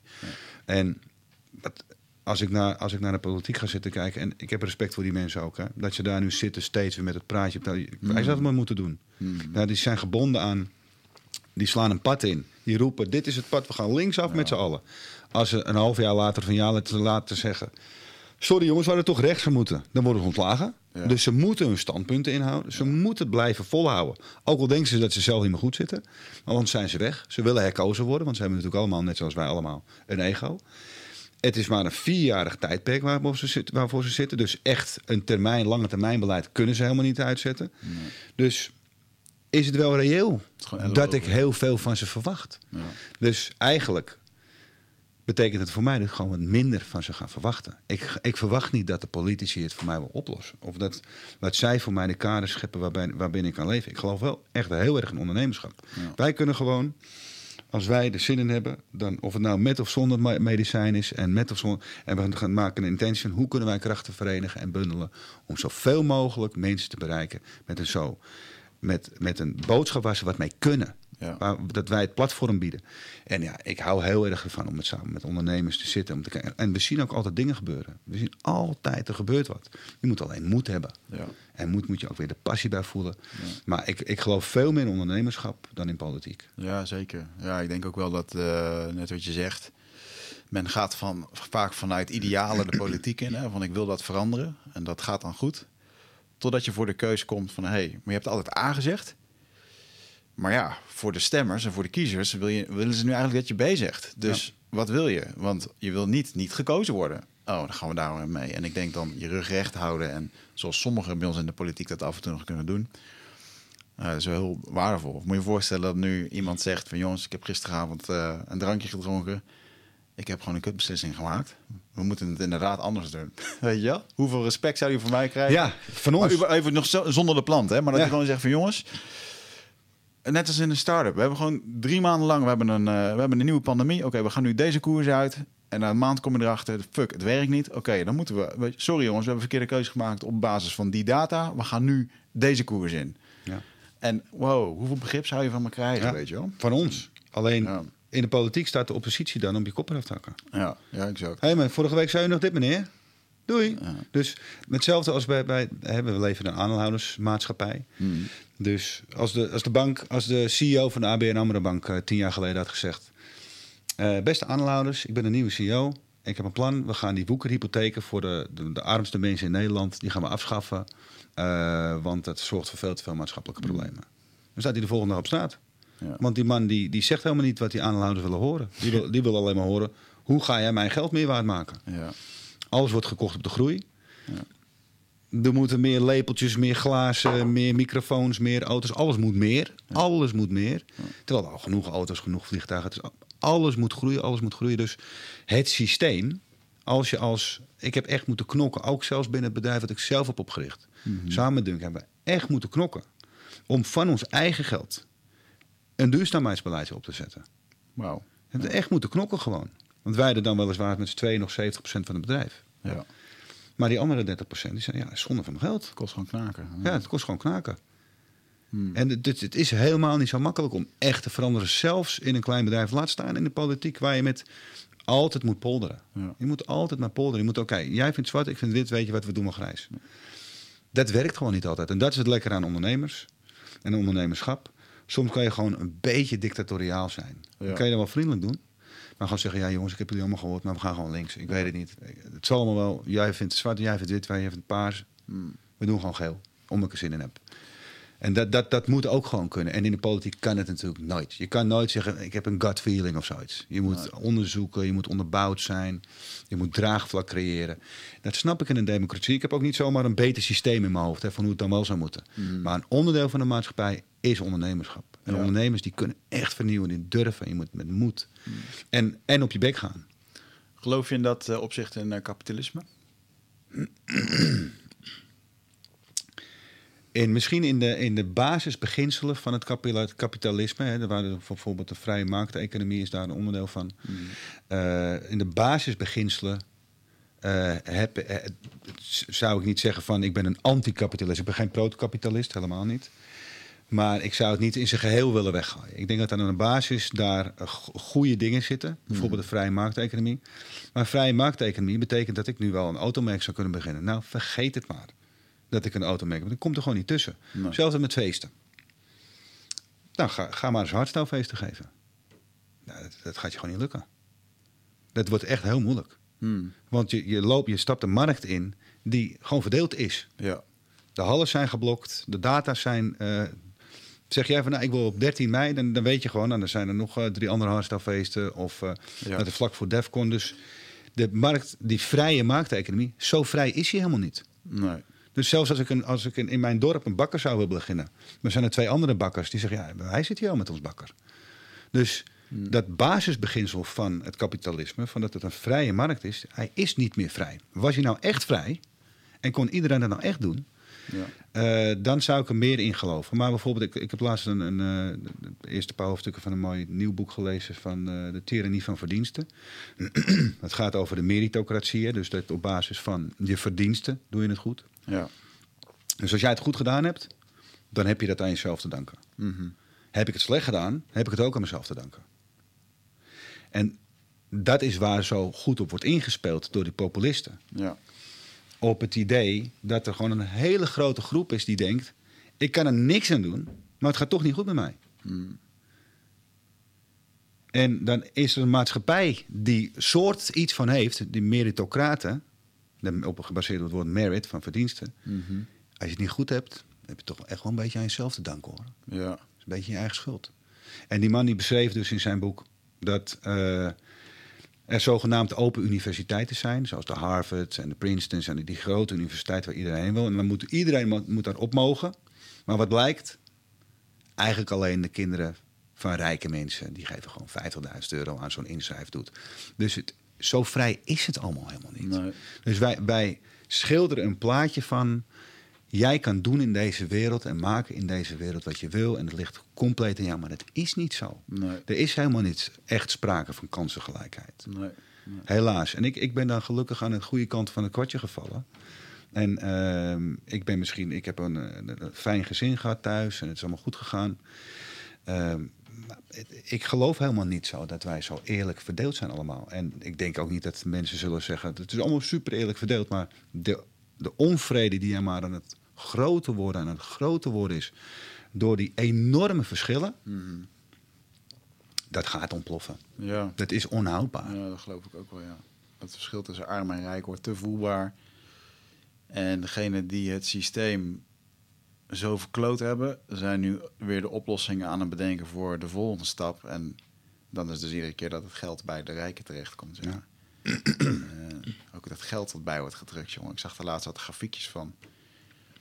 Ik geloof dat er, wat, er toen, wat er in 2008 in een paar jaar bijgedrukt is, is nu in zes weken bijgedrukt. Ja, het is te bizar. Dus dat, uh, dat, ploft een keer. En het gaat allemaal weer naar dezelfde mensen. Hmm. Dat, dat is natuurlijk ook. Uh, ik merk het nu ook. Ik zit in een groep met, met, met rijke jongens.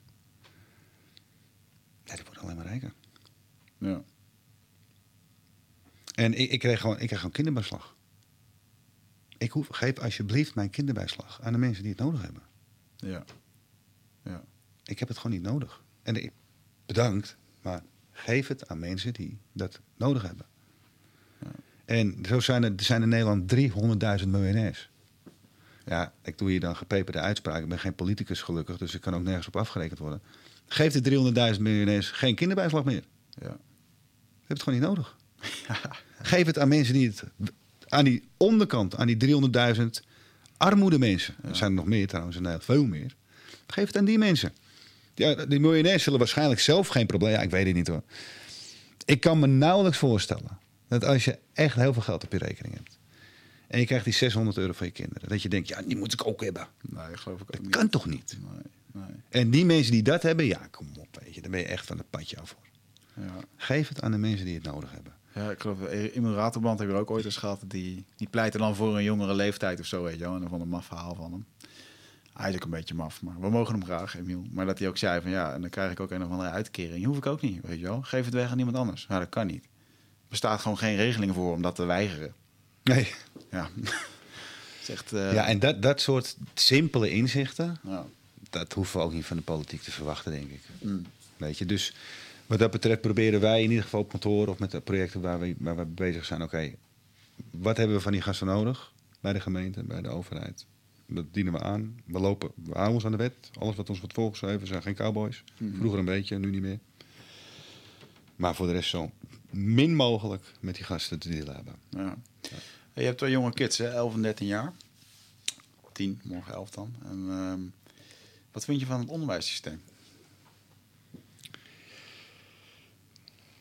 Ja, dat is een goede vraag. Uh, iets waar wij veel en vaak over gesproken hebben uh, thuis. Ik heb twee verschillende kinderen. Die, die, uh, die, die van 13 die zit net op de middelbare school. Die zit op het gymnasium, echt een studiebolletje. Die, ehm, kan hartstikke goed leren. Die leest, las al heel vroeg, uh, las al Engelse boeken vroeg. En ik heb eigenlijk geen omkijken naar. Hmm. Dit is gewoon echt een studie, studiebolletje, een nerdje. Een self-proclaimed nerd. Dus ze draagt ook shirtjes, ze vindt zichzelf ook een nerd. Ja. En ze voelt zich daar prima bij. En het sociale aspect bevalt er ook goed. Uh, leuke school, Montessori Lyceum. Lekker vrij. Dus ik denk dat het onderwijs voor haar goed is. Ja. maar mijn jongste dochter, totaal anders. Dat is echt, dat is, die wordt of zwerver of president. Dat, is, dat kan alle kanten op, zeg maar. Dat is, dat is echt, uh, die, die heeft dus nu thuisonderwijs en ik zie mijn vrouw dan bij haar zitten. En dan kom ik af en toe even teruglopen uit mijn kantoortje achter. En dan zit mijn vrouw met mijn jongste dochter Maya aan tafel. En dan zie je haar kijken. Waarom moet ik in de hemelsnaam twee keer 65 min 13 doen? Hoezo? En ze, het is gewoon ze is niet, niet te motiveren mhm. of haar niet uit te leggen waarvoor ze dat moet doen. En het moet dan wel. Nou, dat is trekken. Dat, dat trek ik slecht. Want ik zie dat mijn kind het echt niet leuk vindt, maar het moet. Ja. En ze kan lezen, ze kan schrijven, kan ze rekenen. En dat gaat ze vast nog wel op bepaalde manier leren. Ik heb dan, ik, dus wij in het begin zei ik van, moeten we dat thuisonderwijs niet eens een keer gaan bestuderen? Kijken hoe dat in zijn werk gaat. Nou, blijkt dat 2% van de Nederlanders doet dat toch. Ja. Nou, 1 op 50, dat vind ik meer dan ik had gedacht. Ja.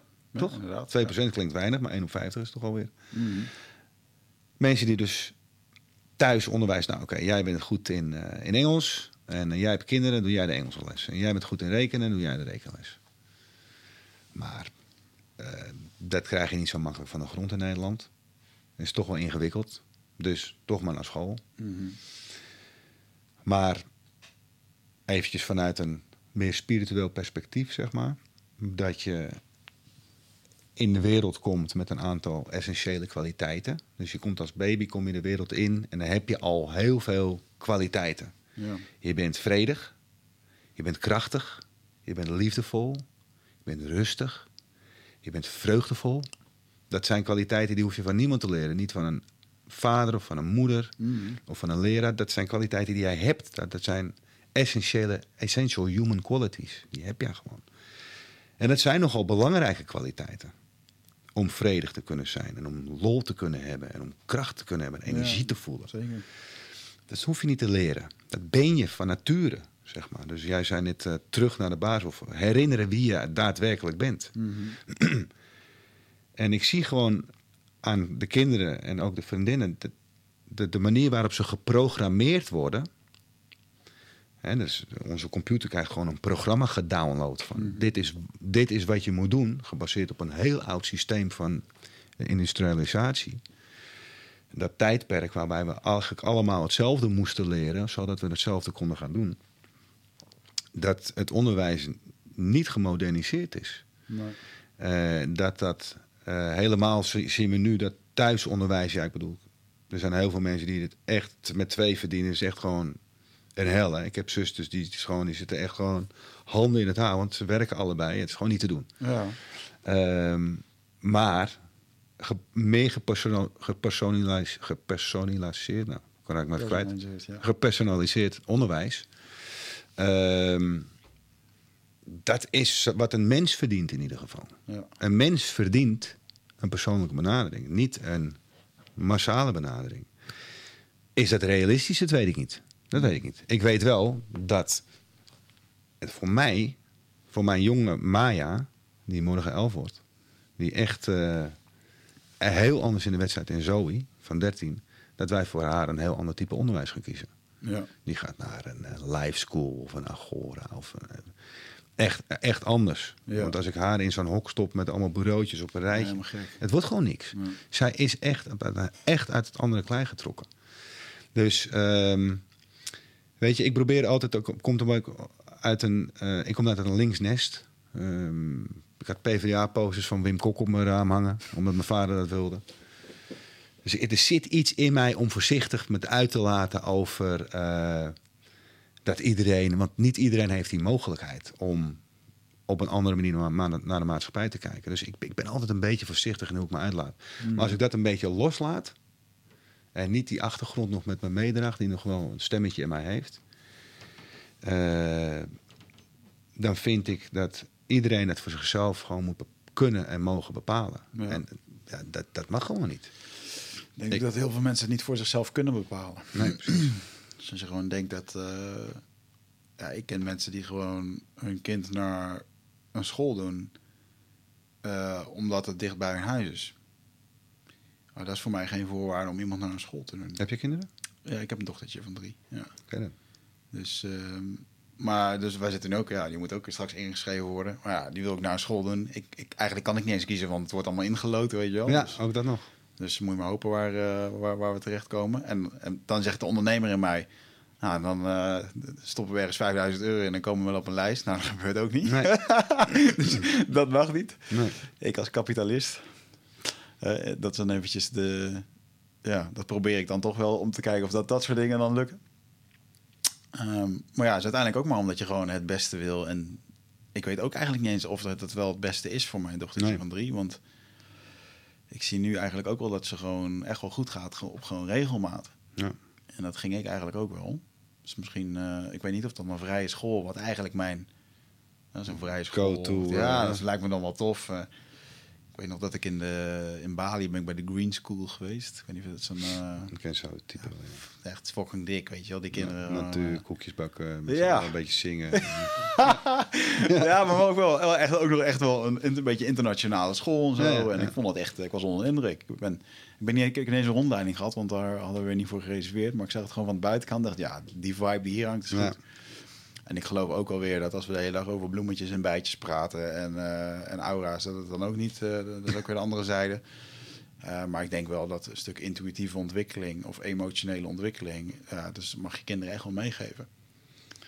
En, ja, kijk, en dan hebben we ook nog eens, zeg maar, waar we vroeger stonden, we echt, echt heel trots. We stonden in alle toplijstjes mm. met Nederland. En ik hoorde het staat toevallig. Oh, qua onderwijs bedoel je? Ja, ook. Ja, ja. Maar daar staan we al lang niet meer. Nee. En um, vroeger ging je echt gewoon veel meer geld naartoe. Hmm. En uh, als je, ik heb dan, was het ook alweer, ik weet niet meer wat. Volgens mij was het van Michael Moore, was er een, eh, een documentaire. Niet van 9 maar de, de, laatste van hem. En die ging dan uh, kijken naar Europa en de systemen hier. Van, dat is in Frankrijk gaven ze eten op school en het Finse schoolsysteem. Hmm. De, de Scandinavische landen staan sowieso wel ja. goed bekend als het gaat om, om onderwijs en zorg en dat soort zaken. Maar dus in Finland heb je dus, mag je alleen maar lesgeven als je universitair bent opgeleid. Dus alleen maar echt goede leraar. En tegenwoordig krijg je, ben je leraar als je, krijg gewoon mijn pakje boter, krijg je de, de diploma erbij. Dus echt, er staan mensen voor de klas die gewoon echt niet, hmm. echt niet, ja, die hebben een omscholingscursus gehad, even snel, maar gewoon helemaal niet geschikt zijn voor het vak. Maar er is een enorm leraartekort. Ja, waarom? Toen ik nog op school zat, uh, bijvoorbeeld, toen uh, was de helft van de leraren was, was uh, man. Hmm. Nu is 98% is vrouw. Wow. Dus stel dat jij een jongetje bent ja. en je gaat naar school. Op een gegeven moment, mooi verhaaltje. Dus ik heb twee dochters op school, op de Montessori school meer. Dus ik kom zo binnenlopen in zo'n prikbord. Voorleesmoeders gevraagd en overblijfmoeders gevraagd. Dus ik ben naar huis. Ik denk, nou, weet je, ik voel me eigenlijk wel een beetje gepikeerd en aangesproken. Dat alleen maar vrouwen geven de les. Alleen maar vrouwen. Mm. Voorleesmoeders en voorlees. Uh, en uh, overblijfmoeders gevraagd. Dus ik ga naartoe. Ik zeg, wil me aanmelden als overblijfmoeder. Oh, oh nou, dat is leuk zeg. Uh, Oké, nou, dat kan wel. Dus ik ben dan overblijfmoeder daar. En ehm, op een gegeven moment moeten de kinderen dus naar buiten. En ik sta op het schoolplein met dertien leraressen en uh, zeven overblijfmoeders. Echt met z'n twintig staan we daar. En dan zijn al die jongens op het schoolplein en al die meisjes op het schoolplein. Ja. En eigenlijk zitten die vrouwen de hele tijd tegen Jantje en Pietje te zeggen... hey, doe eens rustig, doe eens rustig. Kom eens uit die boom. Kom eens, uh, ja. Doe even normaal. Uh, doe even niet zo schreeuwen, Pietje. Uh, en ik zeg tegen die, een van die over... Hebben jullie geen, zijn er geen steppen of ballen of scheppen of zo? Oh jawel, er is daar zo'n kast. En er zit, dus ik loop naar de, doe de kast open. Ja, ballen. Dus ik schop die ballen eruit. Ja hoor, hup, al die gasten erachteraan. En die meisjes, ja, die zitten ook een beetje ook haartjes te vlechten. En... Ja. Maar als je dus nu jonger bent en je gaat naar school... dan krijg je eigenlijk daar de hele tijd te horen... Pietje, doe eens even zoals Marietje. Ja. Ja. Weet je, dat, dat heb ik gewoon aan de lijve ondervonden. Dat je gewoon, ik moet er niet aan denken om een jongetje te zijn nu alleen. Nou krijgen die meisjes, die vrouwen die, die op de pabo krijgen wel te horen van... oké, jongetjes zijn anders dan vrouwen dan meisjes. Maar wat normaal is, is dat daar gewoon enigszins een balans is. balans is. Die is er totaal helemaal niet. En waarom is die er niet? Wat is er nou cool aan voor een man om een leraar te zijn? Je verdient slecht. Je krijgt geen respect. Je hebt het niet helemaal gemaakt. Ja. Uh, vette stress. Zwaar onderbezet. Hmm. Dus als jij jong bent en je bent 18, denk je, ik ga leraar worden? Nee. Dat doe je niet. Nee, want zo in de oude Romeinse tijd hadden leraren gewoon uh, hadden een zwaar gerespecteerde functie. je, je, je, onderwijs, je onderwijs verdomme gewoon de kinderen van de toekomst. Hoeveel, als je mijn kind mag onderwijzen, hey, hoeveel eerder dat eigenlijk is, weet je wel? Het is de allerbelangrijkste baan van Nederland. En als je dan ook gewoon nog kinderen... Ik bedoel, ik ben zelf zonder vader opgegroeid. Twee maanden na mijn geboorte overleden. Ik ben heel mijn leven lang op zoek geweest naar die masculine rol of dat rolmodel waar ik tegenop kon kijken, weet je wel. En inderdaad, als, de, als, je, als je daar alleen maar krijgt te horen van Piet, doe niet dit en zus en zo. En uh, je moet nog net geen haren vlechten. Dan lost de masculiniteit al op voordat je 16 bent. Ja. En ik denk wel dat dat echt een hele giftig is. Ik geloof ook in Finland krijgen, ze ook, krijgen leraren hun eigen kantoor. Uh, krijgen ze minstens, minstens 5000 euro ja, volgens mij. Ja, verdienen hartstikke goed. Gewoon een goed salaris, ja, weet je wel. Zeker. En dan wordt het interessant. Ja. Maar um, ja, if you pay peanuts, dan uh, you get monkeys. You get monkeys ja. Nou ja, en dat is dus waar, je, waar we onze kinderen gewoon uh, instoppen. Mm. Willens en wetens. En uh, als je anders denkend bent, dan van nou, ik ga eens overwegen of ik dit wel wil. Ja. Je moet wel. Ja. Je mag helemaal niet. je moet gewoon. Gewoon naar die school en naar het systeem waarvan je denkt, hier schort het aan. Je mag één keer in de vier jaar mag je, je stem uitbrengen. Dan kijk je naar die partijprogramma's, dan weet je. Dat wordt toch een mengelmoes. Dus die staat voor onderwijs, maar in de onderhandelingen komt er misschien nog een heel klein puntje van door. Dus door te stemmen verander je het ook niet zomaar even. Hmm. Dan denk je, misschien moet ik het dan maar in eigen hand nemen. En dan ga ik het op thuis op, een aparte manier doen. Nou, dan word je sowieso met door de nek aangekeken door het hele dorp en, uh, of door de, door de straat. Ja. Dus dat is ook niet de oplossing. Dus, laat maar, ik ga er wel in mee. En we doen maar gewoon. Zoals iedereen het doet. Ja. En, uh, dus ik uh, zeg tegen mijn vrouw, moeten we niet naar Costa Rica verhuizen of zo? Nou, dat had ik veel eerder moeten doen. Nou, ik ben niet hartstikke blij hoor. Maar mm. om een keertje samen met mijn kinderen... En jij, ze zijn nog van... Uh, mijn vader is, uh, of nu, nu met emeritaat... maar die was hoogleraar psychologie. Of eigenlijk pedagogie, kinder, kinderopvang. Mm. En daar heb ik altijd wel wat goede tips van gehad. En ik zei op een gegeven moment, ik wil eigenlijk naar het buitenland. Nou, dan moet je wel echt vanaf 7, 8, 9 jaar begint ze echt te wortelen, vriendjes, te ja. wennen aan de omgeving. Wil je een keertje echt weg? Doe het voor die tijd. Hmm. En uh, nou, ik was eigenlijk te laat toen ik op een gegeven moment zei van schat, laten we even één keer gewoon, één keer een dikke vette boerderij ergens. Of huren, of, of een klein hutje, mag ook. Ja. Leven met het land, met de dieren, met de opgaande zon, met de ondergaande zon, met het water van het land. Het kan, ja. het kan. We kunnen het doen. Laten we een keer gewoon het originele leven gaan ervaren. Gewoon hoe het is om gewoon zonder allemaal poespas en toestanden gewoon normaal met een gezin. Hou jij de eieren? Ga ik het gras doen? En normaal. Mm, ja. Nou, ik was te laat. Ja, dat is uh, mooi. Ja, we zitten eraan te denken om dit jaar naar Hawaii uh, te gaan, een half jaar. Ach man, je doet man. Maar uh, ja, het is wel even lastig nu met het ja, nu verhaal. dus we zitten nu al te denken of dat we niet drie maanden Ibiza gaan doen. Om, om toch maar dat gevoel ja, volgend ik jaar. Kom, ik ben er net drie weken geweest. Ah, lekker. Ja, ja dan ja. hopen we daar wel drie maanden te overbruggen. Maar gewoon uh, inderdaad man. Dat is gewoon het leven. Of ja. het is gewoon leven. Laat ze gewoon ervaren. En het hoeft toch niet het hele leven? Je hoeft niet je hele leven met uh, kippen en schapen. Je, je kan gewoon... Nou, onderdeel van het leven. Ik heb meegemaakt wat het is. Om mijn eigen eten te maken. Ja. Twee jaar lang. Hoe, hoe rijk, dat is echt, ja. echt een rijkdom is dat. Ja, ja zeker. Ja. ja, goed. We zitten natuurlijk ook wel als ze vier jaar, dan, dan moeten ze naar school en die krijgen allemaal van dat soort bullshit waar ze dan aan moeten voldoen. Of dat de bullshit is, weet ik ook niet. Zo noem ik het nu eventjes. Ja, dan gaan we nog wel even een weg in, uh, in vinden. Hey, ik benoemde net uh, uh, masculiniteit en geen femininiteit, maar dat heeft er natuurlijk mee te maken. Heb jij, ben je zelf wel eens bezig, heb je zelf wel eens in verdiept? Masculiniteit, femininiteit? Ja, ik tenminste, ik, ik organiseer elk jaar een uh, mannenretraite. Mm -hmm. Dan ga ik met uh, 35 man op pad. 30. En uh, dan, dan graven we ons daar wel in, wat het is om man te zijn. Ik heb een hele mooie ceremonie in Colombia gedaan. toen hadden we San Pedro gedaan. En toen was de vraag eigenlijk, moesten we aan elkaar uitleggen. Mm -hmm. Wat betekent het om een man te zijn in deze tijd? Wat betekent dat? Wat betekent het om een man te zijn? Ik heb in allerlei uh, vrouwgroepen gezeten, heel lang. Dus ik heb echt al 50 retraites gedaan waar ik echt samen met Wilderik tussen 30 andere vrouwen zat. echt. En heel diep psychologisch graafwerk gedaan. Mm. Uh, dus ook, ook een vrouwelijke kant in mezelf heb ontdekt daar. Uh,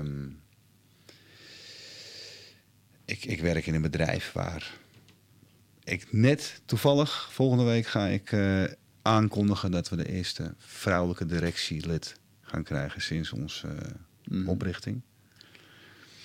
Uh, ik, heb wat, ik heb één zeer uitgesproken zus daarover. Maar de, de, de, echte ervaringen die ik ermee heb, ik heb natuurlijk wel wat boeken gelezen, maar uh, echte ervaringen die ik, die ik ermee heb om echt met mannen te werken, mm. uh, is met, met de mannenretretten. Nee. Niet heel veel mannen gaan op retretten. Nee, nee zeker niet. wat betekent, wat is het dan om een man te zijn, volgens jou? Ja, dat is natuurlijk. dat is een hele podcast op zich, wat mij betreft, zeg maar. Ik weet niet hoe laat het is, hoe lang we nog hebben. Oh, we zijn al even bezig. Bijna twee, ja. Um, ja. Nou, dit is, dit is top of mind, hè? want ik kan hier mm. natuurlijk niet... Nou, uh, dit is top of mind. Maar wat, wat het voor mij betekent nu, hè, dat is voor mij persoonlijk betekent... we gaan enkele mannen aan het aanpraten hoe hij zich als man moet voelen.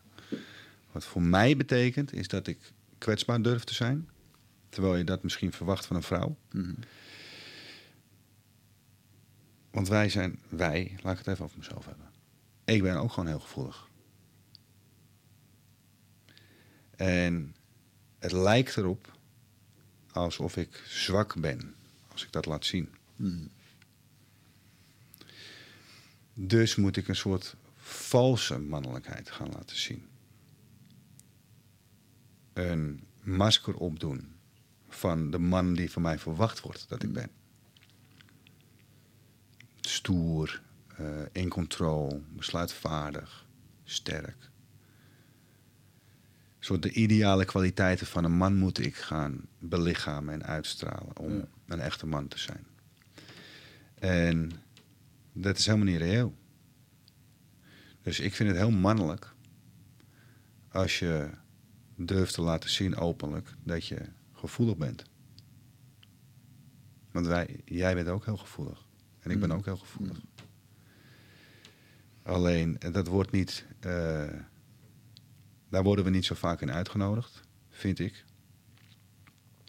Ik vind dat jij dat overigens wel doet en fijn doet. Door de vragen die je stelt. En dus ik vind het mannelijk om te laten zien dat je kwetsbaar bent dat je gevoelig bent, dat je onzeker bent. Ja. Dat, ik vind dat echt mannelijk. Ik vind het echt stoer. Ik vind het echt stoer. Het is geen uh, praatje om uh, hier de zakdoekjes erbij te pakken. Mm. Ik vind het echt stoer als je dat doet. Dat, dat, ik vind het heel moedig. Als je als man laat zien dat je gevoelig, gevoelig bent. Openlijk. Niet, ik vind het veel minder stoer als je het masker draagt de hele tijd. Ja. Um, maar ik vind het ook mannelijk om. Ik heb dan twee dochters en een vrouw. Om af en toe gewoon een besluit te nemen. Maar ja, ik heb het nu allemaal gewoon gehoord. 80 keer heen en weer links en rechts. Uh, we gaan gewoon naar links. Het is gewoon uh, mooi geweest. Ja. Ik maak nu een beslissing. We gaan naar links. Dat vind ik ook mannelijk. Ja. En um, dus besluitvaardigheid vind ik vind ik, ik voel me gewoon soms echt een man als ik denk, en nou is het klaar, weet je. Mm. Nu, nu heb ik het gehoord, dan maak ik gewoon een beslissing. En uh, dan voel ik me ook een man. Um, even kijken. Uh, ik, ja, goed, dan kom ik op een iets ander. Ik vind dat, dat mannelijk betekent ook opkomen voor anderen. Niet dat vrouwen dat niet doen trouwens, dat wil ik helemaal niet meer zeggen. Maar als het ook gaat om fysiek of zo. Of om, om moed soms. Mm. Het niet weten, vind ik soms. Het niet weten en het toch doen. Dat, dat vind ik ook heel mannelijk. Ik weet het niet, doe het toch. Ja, moed. Ja, gewoon moedig. courage. De, de, de warrior gewoon. Let's go. Strepen op en go for it. Mm. Dat, dat, het niet weten en het toch doen. Dat, uh, dat blind all in, zeg maar. Dat gevoel. Dat vind ik ook uh, mannelijk. Tenminste, wat ik in mezelf voel als mannelijk. Ja. Um, Dat zijn wel, ik denk dat het een belangrijk aspect is. Maar ik denk dat het eerste aspect wat ik uh, aan, aan tipte, dat, dat is misschien intuïtief niet wat mensen zouden verwachten. Maar voor mij, ik voel me soms gewoon heel erg mannelijk. Als ik voor een groep van mannen me kwetsbaar opsta. Mm. Als ik durf te vertellen uh, dat ik eens aan het strukkelen ben. Ja. Dat ik het even niet weet. Ja, dat is ook mooi als je dat masker eventjes af kan nemen. Dat je dan uh, de authenticiteit eronder ziet. En dat is waar iedereen op aanhaakt en herkent. Ja, zeker. Want als jij je masker hoog blijft houden van oh, ik ben allemaal oké okay, en is maar mij niks, dan gaat hij links voor jou gaat dat ook niet. Nee, precies. En hij, hij, herkent zich niet in je. Hij weet dat het eigenlijk weet hij dat het niet zo is. Ja. Want iedereen struggelt. Ja. Iedereen struggelt. Ja, zeker. En ik zit dan in de zakelijke wereld, dan zit ik thuis een paar gevierde mensen die altijd maar doen alsof het helemaal Hosanna is. Mm. Maar je ziet dat het niet zo is. Mm. En aan de andere kant in die spirituele wereld zit ik af en toe met die yogis of halve monniken, die dan ook altijd doen alsof het helemaal Hosanna is. Ja, ook niet. Nee. Je hebt gewoon een lichaam en je hebt een geest, dus je, je hebt gewoon je struggle. Ja. Je hebt gewoon een struggle. Ja, tegen die spirit zeg ik altijd, je hebt het wel hier gewoon op aarde te doen, weet je wel. Ja, gewoon, uh, hier en nu. Ja, en al dat, ja, zeker. Spirituele deken die dan overheen komt, maar ja. En ik denk wel dat het stukje, um, het kwetsbaarheid is natuurlijk jezelf uiten, weet je wel. En als je jezelf maar lang genoeg niet uit, uh, dan kom je vanzelf in een depressie terecht. Depressie is een heel, wordt hier natuurlijk gezien als dat je dan helemaal zwaarmoedig bent en zo. Maar ik denk de, de depressie van jezelf niet uiten niet doen wat je wil, niet mogen zeggen wat je wil, niet durven zeggen wat je wil, uh, niet doen wat je wil. Dat, dat, dat is dus, hè, je, je uit jezelf niet. Expressie en het tegenovergestelde van is depressie. Dus er lopen zoveel mensen eigenlijk depressief rond hier op een manier. Dat, dat uh, jezelf durven uiten is daarin alleen al door te zeggen dat je ongelukkig bent of dat je iets anders wilt of zo. Kan zo'n blok beton van je af, uh, afstoten. Alleen als je de omgeving niet hebt waar je dat veilig durft te doen, dan, uh, dan is dat taai. Ja, daarvoor geloof ik in, echt in die intensives. Ik geloof dat als je, als je. Het is allemaal zo vluchtig. Je moet altijd alles in een uurtje met elkaar doen. Ik ben mm. blij dat deze podcast wat langer duurt. Dan kun je gewoon met meerdere onderdelen even met elkaar lekker doorspreken. Het moet allemaal zo snel. Mm. Daarvoor, daarvoor op, waar ik het ook doe, of het nou bij mijn retraitecentrum is, of bij die feesten, of bij onze nachtclub of zo. Ik roep altijd iedereen op ontbijt, lunch, diner sessies. En de volgende dag liefst nog een keertje, twee, drie dagen, echt even er helemaal in. Ja. En um, want op een gegeven moment, en dat hebben wij met bijvoorbeeld de inquiries geleerd. Uh, het zijn twee gesprekken. Spreek je met elkaar af, oké, we gaan het even hebben over um, steun. Heb jij veel steun nog ervaren van, uh, van je ouders, van je omgeving toen je jong was? Nou, als ik dat aan je vraag, dan krijg je eerst vijf minuten verhaaltje van ja, ging wel goed, ging wel niet goed, la la la. En dan valt het stil. Maar als ik, ja, als ik zeg, je moet even een half uur daarover praten. eerst krijg je na vijf minuten krijg je dat verhaaltje. Na vijf minuten valt het stil. En als ik dan nog steeds niet reageer, en ik blijf gewoon naar je kijken, dan komt pas die tweede laag. Hmm.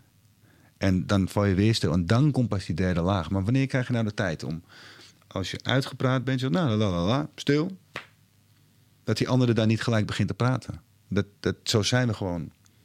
Dat is een beetje de mores. Hmm. Ik weet nog dat wij uh, in Colombia waren, ook met zo'n stam zaten. En uh, zaten die coca-bladeren te eten. En uh, die man was echt zo'n echt zo'n verteller was dat. En wij zaten daar en een van die gasten die begon vragen te stellen. En hij moest vertaald worden, want hij sprak Spaans of niet eens. Gewoon een uh, dialect. Mm. En dat moest dan vertaald worden. En dan keek hij zo. Oh, de vraag beantwoorden. En dan gingen we door met praten. En dan tien minuten later kwam het antwoord op die vraag. Maar die man was gewoon echt een drie uur durend verhaal aan het vertellen. En het, en het zat zo... Ik heb nog nooit zo'n verhaal gehoord in mijn hele leven. Het zat zo goed in elkaar. Het was zo compleet wij kunnen helemaal geen verhalen vertellen. Wanneer krijg je nou de kans om je verhaal te vertellen? Ja, als je 45 minuten je praatje instudeert. Hmm. Op een podium of ik voor de klas eh, bij ons op kantoor. Of... Maar wanneer kan je nou echt, echt, echt een verhaal vertellen? En serieus drie uur durend van... Ik heb het aan die man zijn lippen gehangen. Ik heb het nog nooit in mijn leven meegemaakt. Mm. Een echt verhaal. Waar alles, het lekker een boek leek het. Met die bladeren erbij. En het ging met. Wauw, ik krijg zoveel respect voor. Mooi. En de tijd daarvoor nemen. Ik kan jou veel beter leren kennen. Als ik gewoon echt jou uren de tijd geef om echt goed naar je te luisteren. En dan kan je jezelf ook veel beter leren kennen. Want wanneer hoor je jezelf nou urenlang praten? Vrij, hè? Free speech. Dan kom je echt achter zoveel dingen. Dat, is, dat vind ik zo mooi aan die, aan die techniek van inquiry. Hmm. En dat heb ik ook heel lang geoefend en gedaan. Dat je elkaar echt, oké, eerst ik een half uur, dan jij een half uur. En ik, ik reageer niet, ik ga niet zo, oh ja, nee, ik zit gewoon, ik kijk je gewoon aan. Ik ben gewoon stil. Hmm. Jij moet een half uur. Op een gegeven moment ben je wel drie minuten stil. Je weet gewoon echt niet meer wat je zeggen. En dan opeens komt het verhaal eruit. Ja, mooi. Ja. er zijn heel veel, we hebben echt onszelf aangeleerd uit ongemak ook om ook alleen maar te praten en te doen. En ik weet nog vaak als ik in die stam zat, zat je gewoon met 15 man met elkaar. Dan zei niemand iets. En uh, vond ik heel ongemakkelijk in het begin. Dacht ik echt van, moet ik nu een praatje? Uh, weet je wel, even vragen wat voor baan hij hier doet. Of, uh, echt, op een gegeven moment ging ik daar gewoon helemaal mee. En dan, dan ben je gewoon helemaal een zen motherfucker als je daar zit. En dan maakt het ja. niet meer uit. Al die, al, die, al die small talk, weet je wel, over wat er gisteren is gebeurd. Of met voetballen en al die bullshit. Ja, het is wel heel mooi om jezelf daar los van, los van te weken. Even terugkomend op je, je hebt een, een Mandali is een centrum in Italië. Fantastisch centrum om, om te zien. Um, is dat een, uh, is het een liefdadigheidsproject? In de zin van. Het is wel een eh, stichting, ja. Is een stichting. Maar in de zin van, is het echt een. Uh, ik vraag me altijd af. Ik had vroeger wel eens de illusie dat ik ook een retreatcentrum zou willen hebben. Uh, maar hoe vaker ik nu retreatcentrums heb afgehuurd om zelf retreats te geven, hoe vaker ik erachter kom dat ik, dat ik niet in dienst wil staan van een, van een huis of van een centrum. Hmm. hoe ervaar je dat? Is dat een. Nee, dat snap ik wel dat je dat zegt. Snap ik wel. Misschien is het beter om te huren. Ehm, ja, wij verkochten ons bedrijf voor, voor 100 miljoen. Dus ik kreeg opeens heel veel geld. Ja. En ik had, kreeg niet alle 100, maar ik had een flinke aandeel daarvan. Ik had 20% van de aandelen. Dus ik kreeg gewoon heel veel geld. En Wilde en ik hadden tegen elkaar gezegd... Uh, nou, stoppen we de helft in iets goeds. En de helft gaan we gewoon mee door ondernemen. Ja. En uh, dat hebben we gedaan. En wij zaten inmiddels hadden wel echt wel heel veel retreats gedaan. En wij dachten echt van... Iedereen moet gewoon een keertje of het nou met stilte is, wat jou niet zo aanspreekt, of een ayahuasca-ceremonie, of een meditatie, of een. Ga een week ademen. Ga een week van je leven ademen. Ga, ga zitten en ga ademen. Alleen maar ademen. Of ga sappen. Of. Nou, we kunnen honderdduizend dingen doen. Ga graven in je psyche. Of je kan, neem de tijd voor jezelf. Neem de tijd voor jezelf. Maar niet een uurtje of twee of drie. Echt, go into. Ik jou niet uit te leggen. En wij waren zo van overtuigd, want we zelf zo geraakt waren door. Van, we gaan gewoon centrum bouwen. We doen het gewoon. En uh, nou, uh, Frankrijk doorgereden, Italië, terug naar Nederland. We gaan het hier doen. Toch weer daarheen. Echt dingen eigenlijk een soort van vlaag van verstandverbijstering lijkt het wel. We hebben daar dat ding uit de grond gestampt. Ja, we hadden ook niet echt een uh, budget. Dus het maar duurder en duurder en duurder en duurder. Ja, doe die dakpannen maar en uh, doe toch maar een lekker bed. En uh, zulke douchekoppen en uh, het kon niet op en het moest maar door en door. En doe er ook maar een zwembad bij en een sauna. En het ging maar door. Ja, het hadden geld. Dus, en we wilden niet met banken werken. Dus we hebben het gewoon betaald van ons eigen geld. En we dachten van zo, boom, dat staat er nu. Hmm. Dat neemt niemand de wereld meer af. Neemt niemand mij weer af. Het is niet voor onszelf. Anders had ik wel een mooie villa gebouwd ergens. Op een, uh, boven op een berg. Had ik daar wel af en toe een leraar uitgenodigd. Dus echt gewoon, dit is voor de wereld. Een point of light in de wereld waar mensen naartoe komen voor zichzelf. En daar heb ik ontzettend veel voldoening haal ik eruit. Ik krijg zoveel brieven van mensen. Hartverwarmende brieven van, nou, dit was de belangrijkste week van mijn leven. En uh, brieven van vrouwen van wie de man een keertje was geweest. Ah, Dank je wel dat je dat hebt neergezet. En uh, het is een ander mens. Ja, tof. Of mensen die terugkomen en zeggen: Ik heb mijn baan opgezegd. Of ik ben gescheiden. En uh, ja. echt, echt heel veel voldoening haal ik eruit. Ja. Uh, nu het er... We zijn in 2017 open gegaan. Het is nu twee, vier jaar staat het er. Nu zijn we dicht. Ja. En nu denk ik wel, shit, er zit wel een ding neergezet. Ja. Daar, wat, ja, het is in Italië, het is niet om de hoek. Dus ik moest daar echt, ik ging daar 30 keer per jaar heen vliegen. Uh, als het straks weer aangaat, ga ik er weer heen.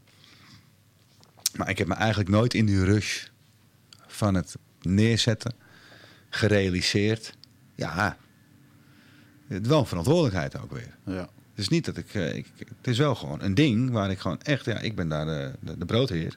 Hmm. Ik moet die mensen nu ook betalen, want de overheid betaalt maar de helft terug. wat ze in Nederland 90% doen of 80%. Dus het is ook weer echt een verantwoordelijkheid. Ja. Maar als ik dan denk van, ik heb maar zoveel tijd in het leven. De tijd is een mensenleven lang, hè? 80 jaar, 90 jaar. Mm waar stop ik mijn tijd in? Wat is zinnig? Wat geeft mij voldoening? Dan is dit wel echt een ding wat heel hoog op het lijst staat. Ja. Eigenlijk feest en mandaliën. Al die andere dingen die ik doe. Yogaschool, nachtclub, toeristenattractie. Restaurant ben ik nu aan het bouwen. Dat vind ik ook wel leuk, man. Ja. Uh, dat, maar niks is zo voor mij zoveel voldoening als een retraite organiseren voor mensen. Waar ik echt zie dat mensen echt, echt zichzelf even uh, onder ogen komen. Ja. Of een heel erg goed feest waar mensen echt even lekker zichzelf laten gaan. Die twee dingen, dat is zo uh, allebei. Mooi man. Maar eh, als je zegt van dan zou ik er eentje bouwen. ik zou een tiny house park bouwen nu. ja. Tiny houses, wat George, pardon, wat George, wat typisch, een paar van die tiny houses. Mm. Mooi uh, ceremonieel uh, space. Ja. En uh, simpel. Klein, simpel. Ja. Ik snap hem wel. Ja, vet. Ja. Ik zie de foto's wel eens voorbij komen. Het is echt een prachtige locatie. Ja, is vet man. Echt, uh, ja, uh, je bent van harte welkom. Ja, mooi, ik hoop dat jij... Uh, ik heb daar, wij hebben onze eigen huizen daar in, in dit straatje. Je bent van harte welkom. Ben je samen met je, met je vrouw, vriendin? Jazeker, ja. Je mag in mijn huisje blijven daar. Ah, ik hoop echt dat je komt. Ja, zeker. En doe je ding daar, weet je. Je hoeft vooral niet stil te zijn. ja. Je kan echt doen wat je wil. Uh, leuke retraites. Ehm, kijk, je bent ervaren, weet je. Dus jij kan echt kijken wat, wat spreekt mij aan. Je kan het ook zelf inrichten. Ja, toch. Maar ik, ik zou het een grote eer vinden om je daar te mogen ontvangen. Ja, te gek man. Wauw, waardeer ik onwijs. En, nogmaals, ik waardeer het ook onwijs dat je hier, dat je hier zit. Um, toen ik jou hoorde praten, dacht ik, ja, weet je, ik wil gewoon. Ik wilde heel graag gewoon mijn boek aan je geven, omdat ik dacht dat je het wel kon waarderen. Zeker. En, uh, maar meer om, ook omdat ik het. Ja. Um, voelde gewoon goed om het zo te doen. En, ja. ja. ik kan me voorstellen, ik schreef het al in mijn reactie, dat mensen er echt goed op reageren. Je hebt er gewoon zo'n super vet verhaal. Ja. Echt, echt. ik, kan, ik kan een verhaaltje vertellen, maar jij hebt ook echt, echt echt iets heel vrees meegemaakt. En uh, zoveel moed heb je daar toch voor nodig. Ik bedoel, eh, ik heb daarna geroken met een weekje. Maar wat jij hebt gedaan is echt chapeau. Ja, dankjewel. En dat die podcast ook zo goed gaat. En dat boek, ik ga het lezen. Ik heb er zin in. Ik had twee boeken mee op vakantie mm. naar Ibiza. Ik heb er geen één gelezen. ik heb helemaal niks gedaan. Ja, mooi. maar hij ligt bovenop de stapel. Ja, cool man. Ja, ik hoop dat we de ceremonieruimte nog eens een keertje delen. En ja. ja, wie weet. Ja, mocht je een keertje in Nederland iets doen en iets organiseren, ik, ik geef me graag over aan jou. een avondje. En, Mooi, gaan we regelen. Ja, top man. Oké, okay, dankjewel. Dames en heren, Wouter Tavecchio en tot de volgende keer. Dankjewel.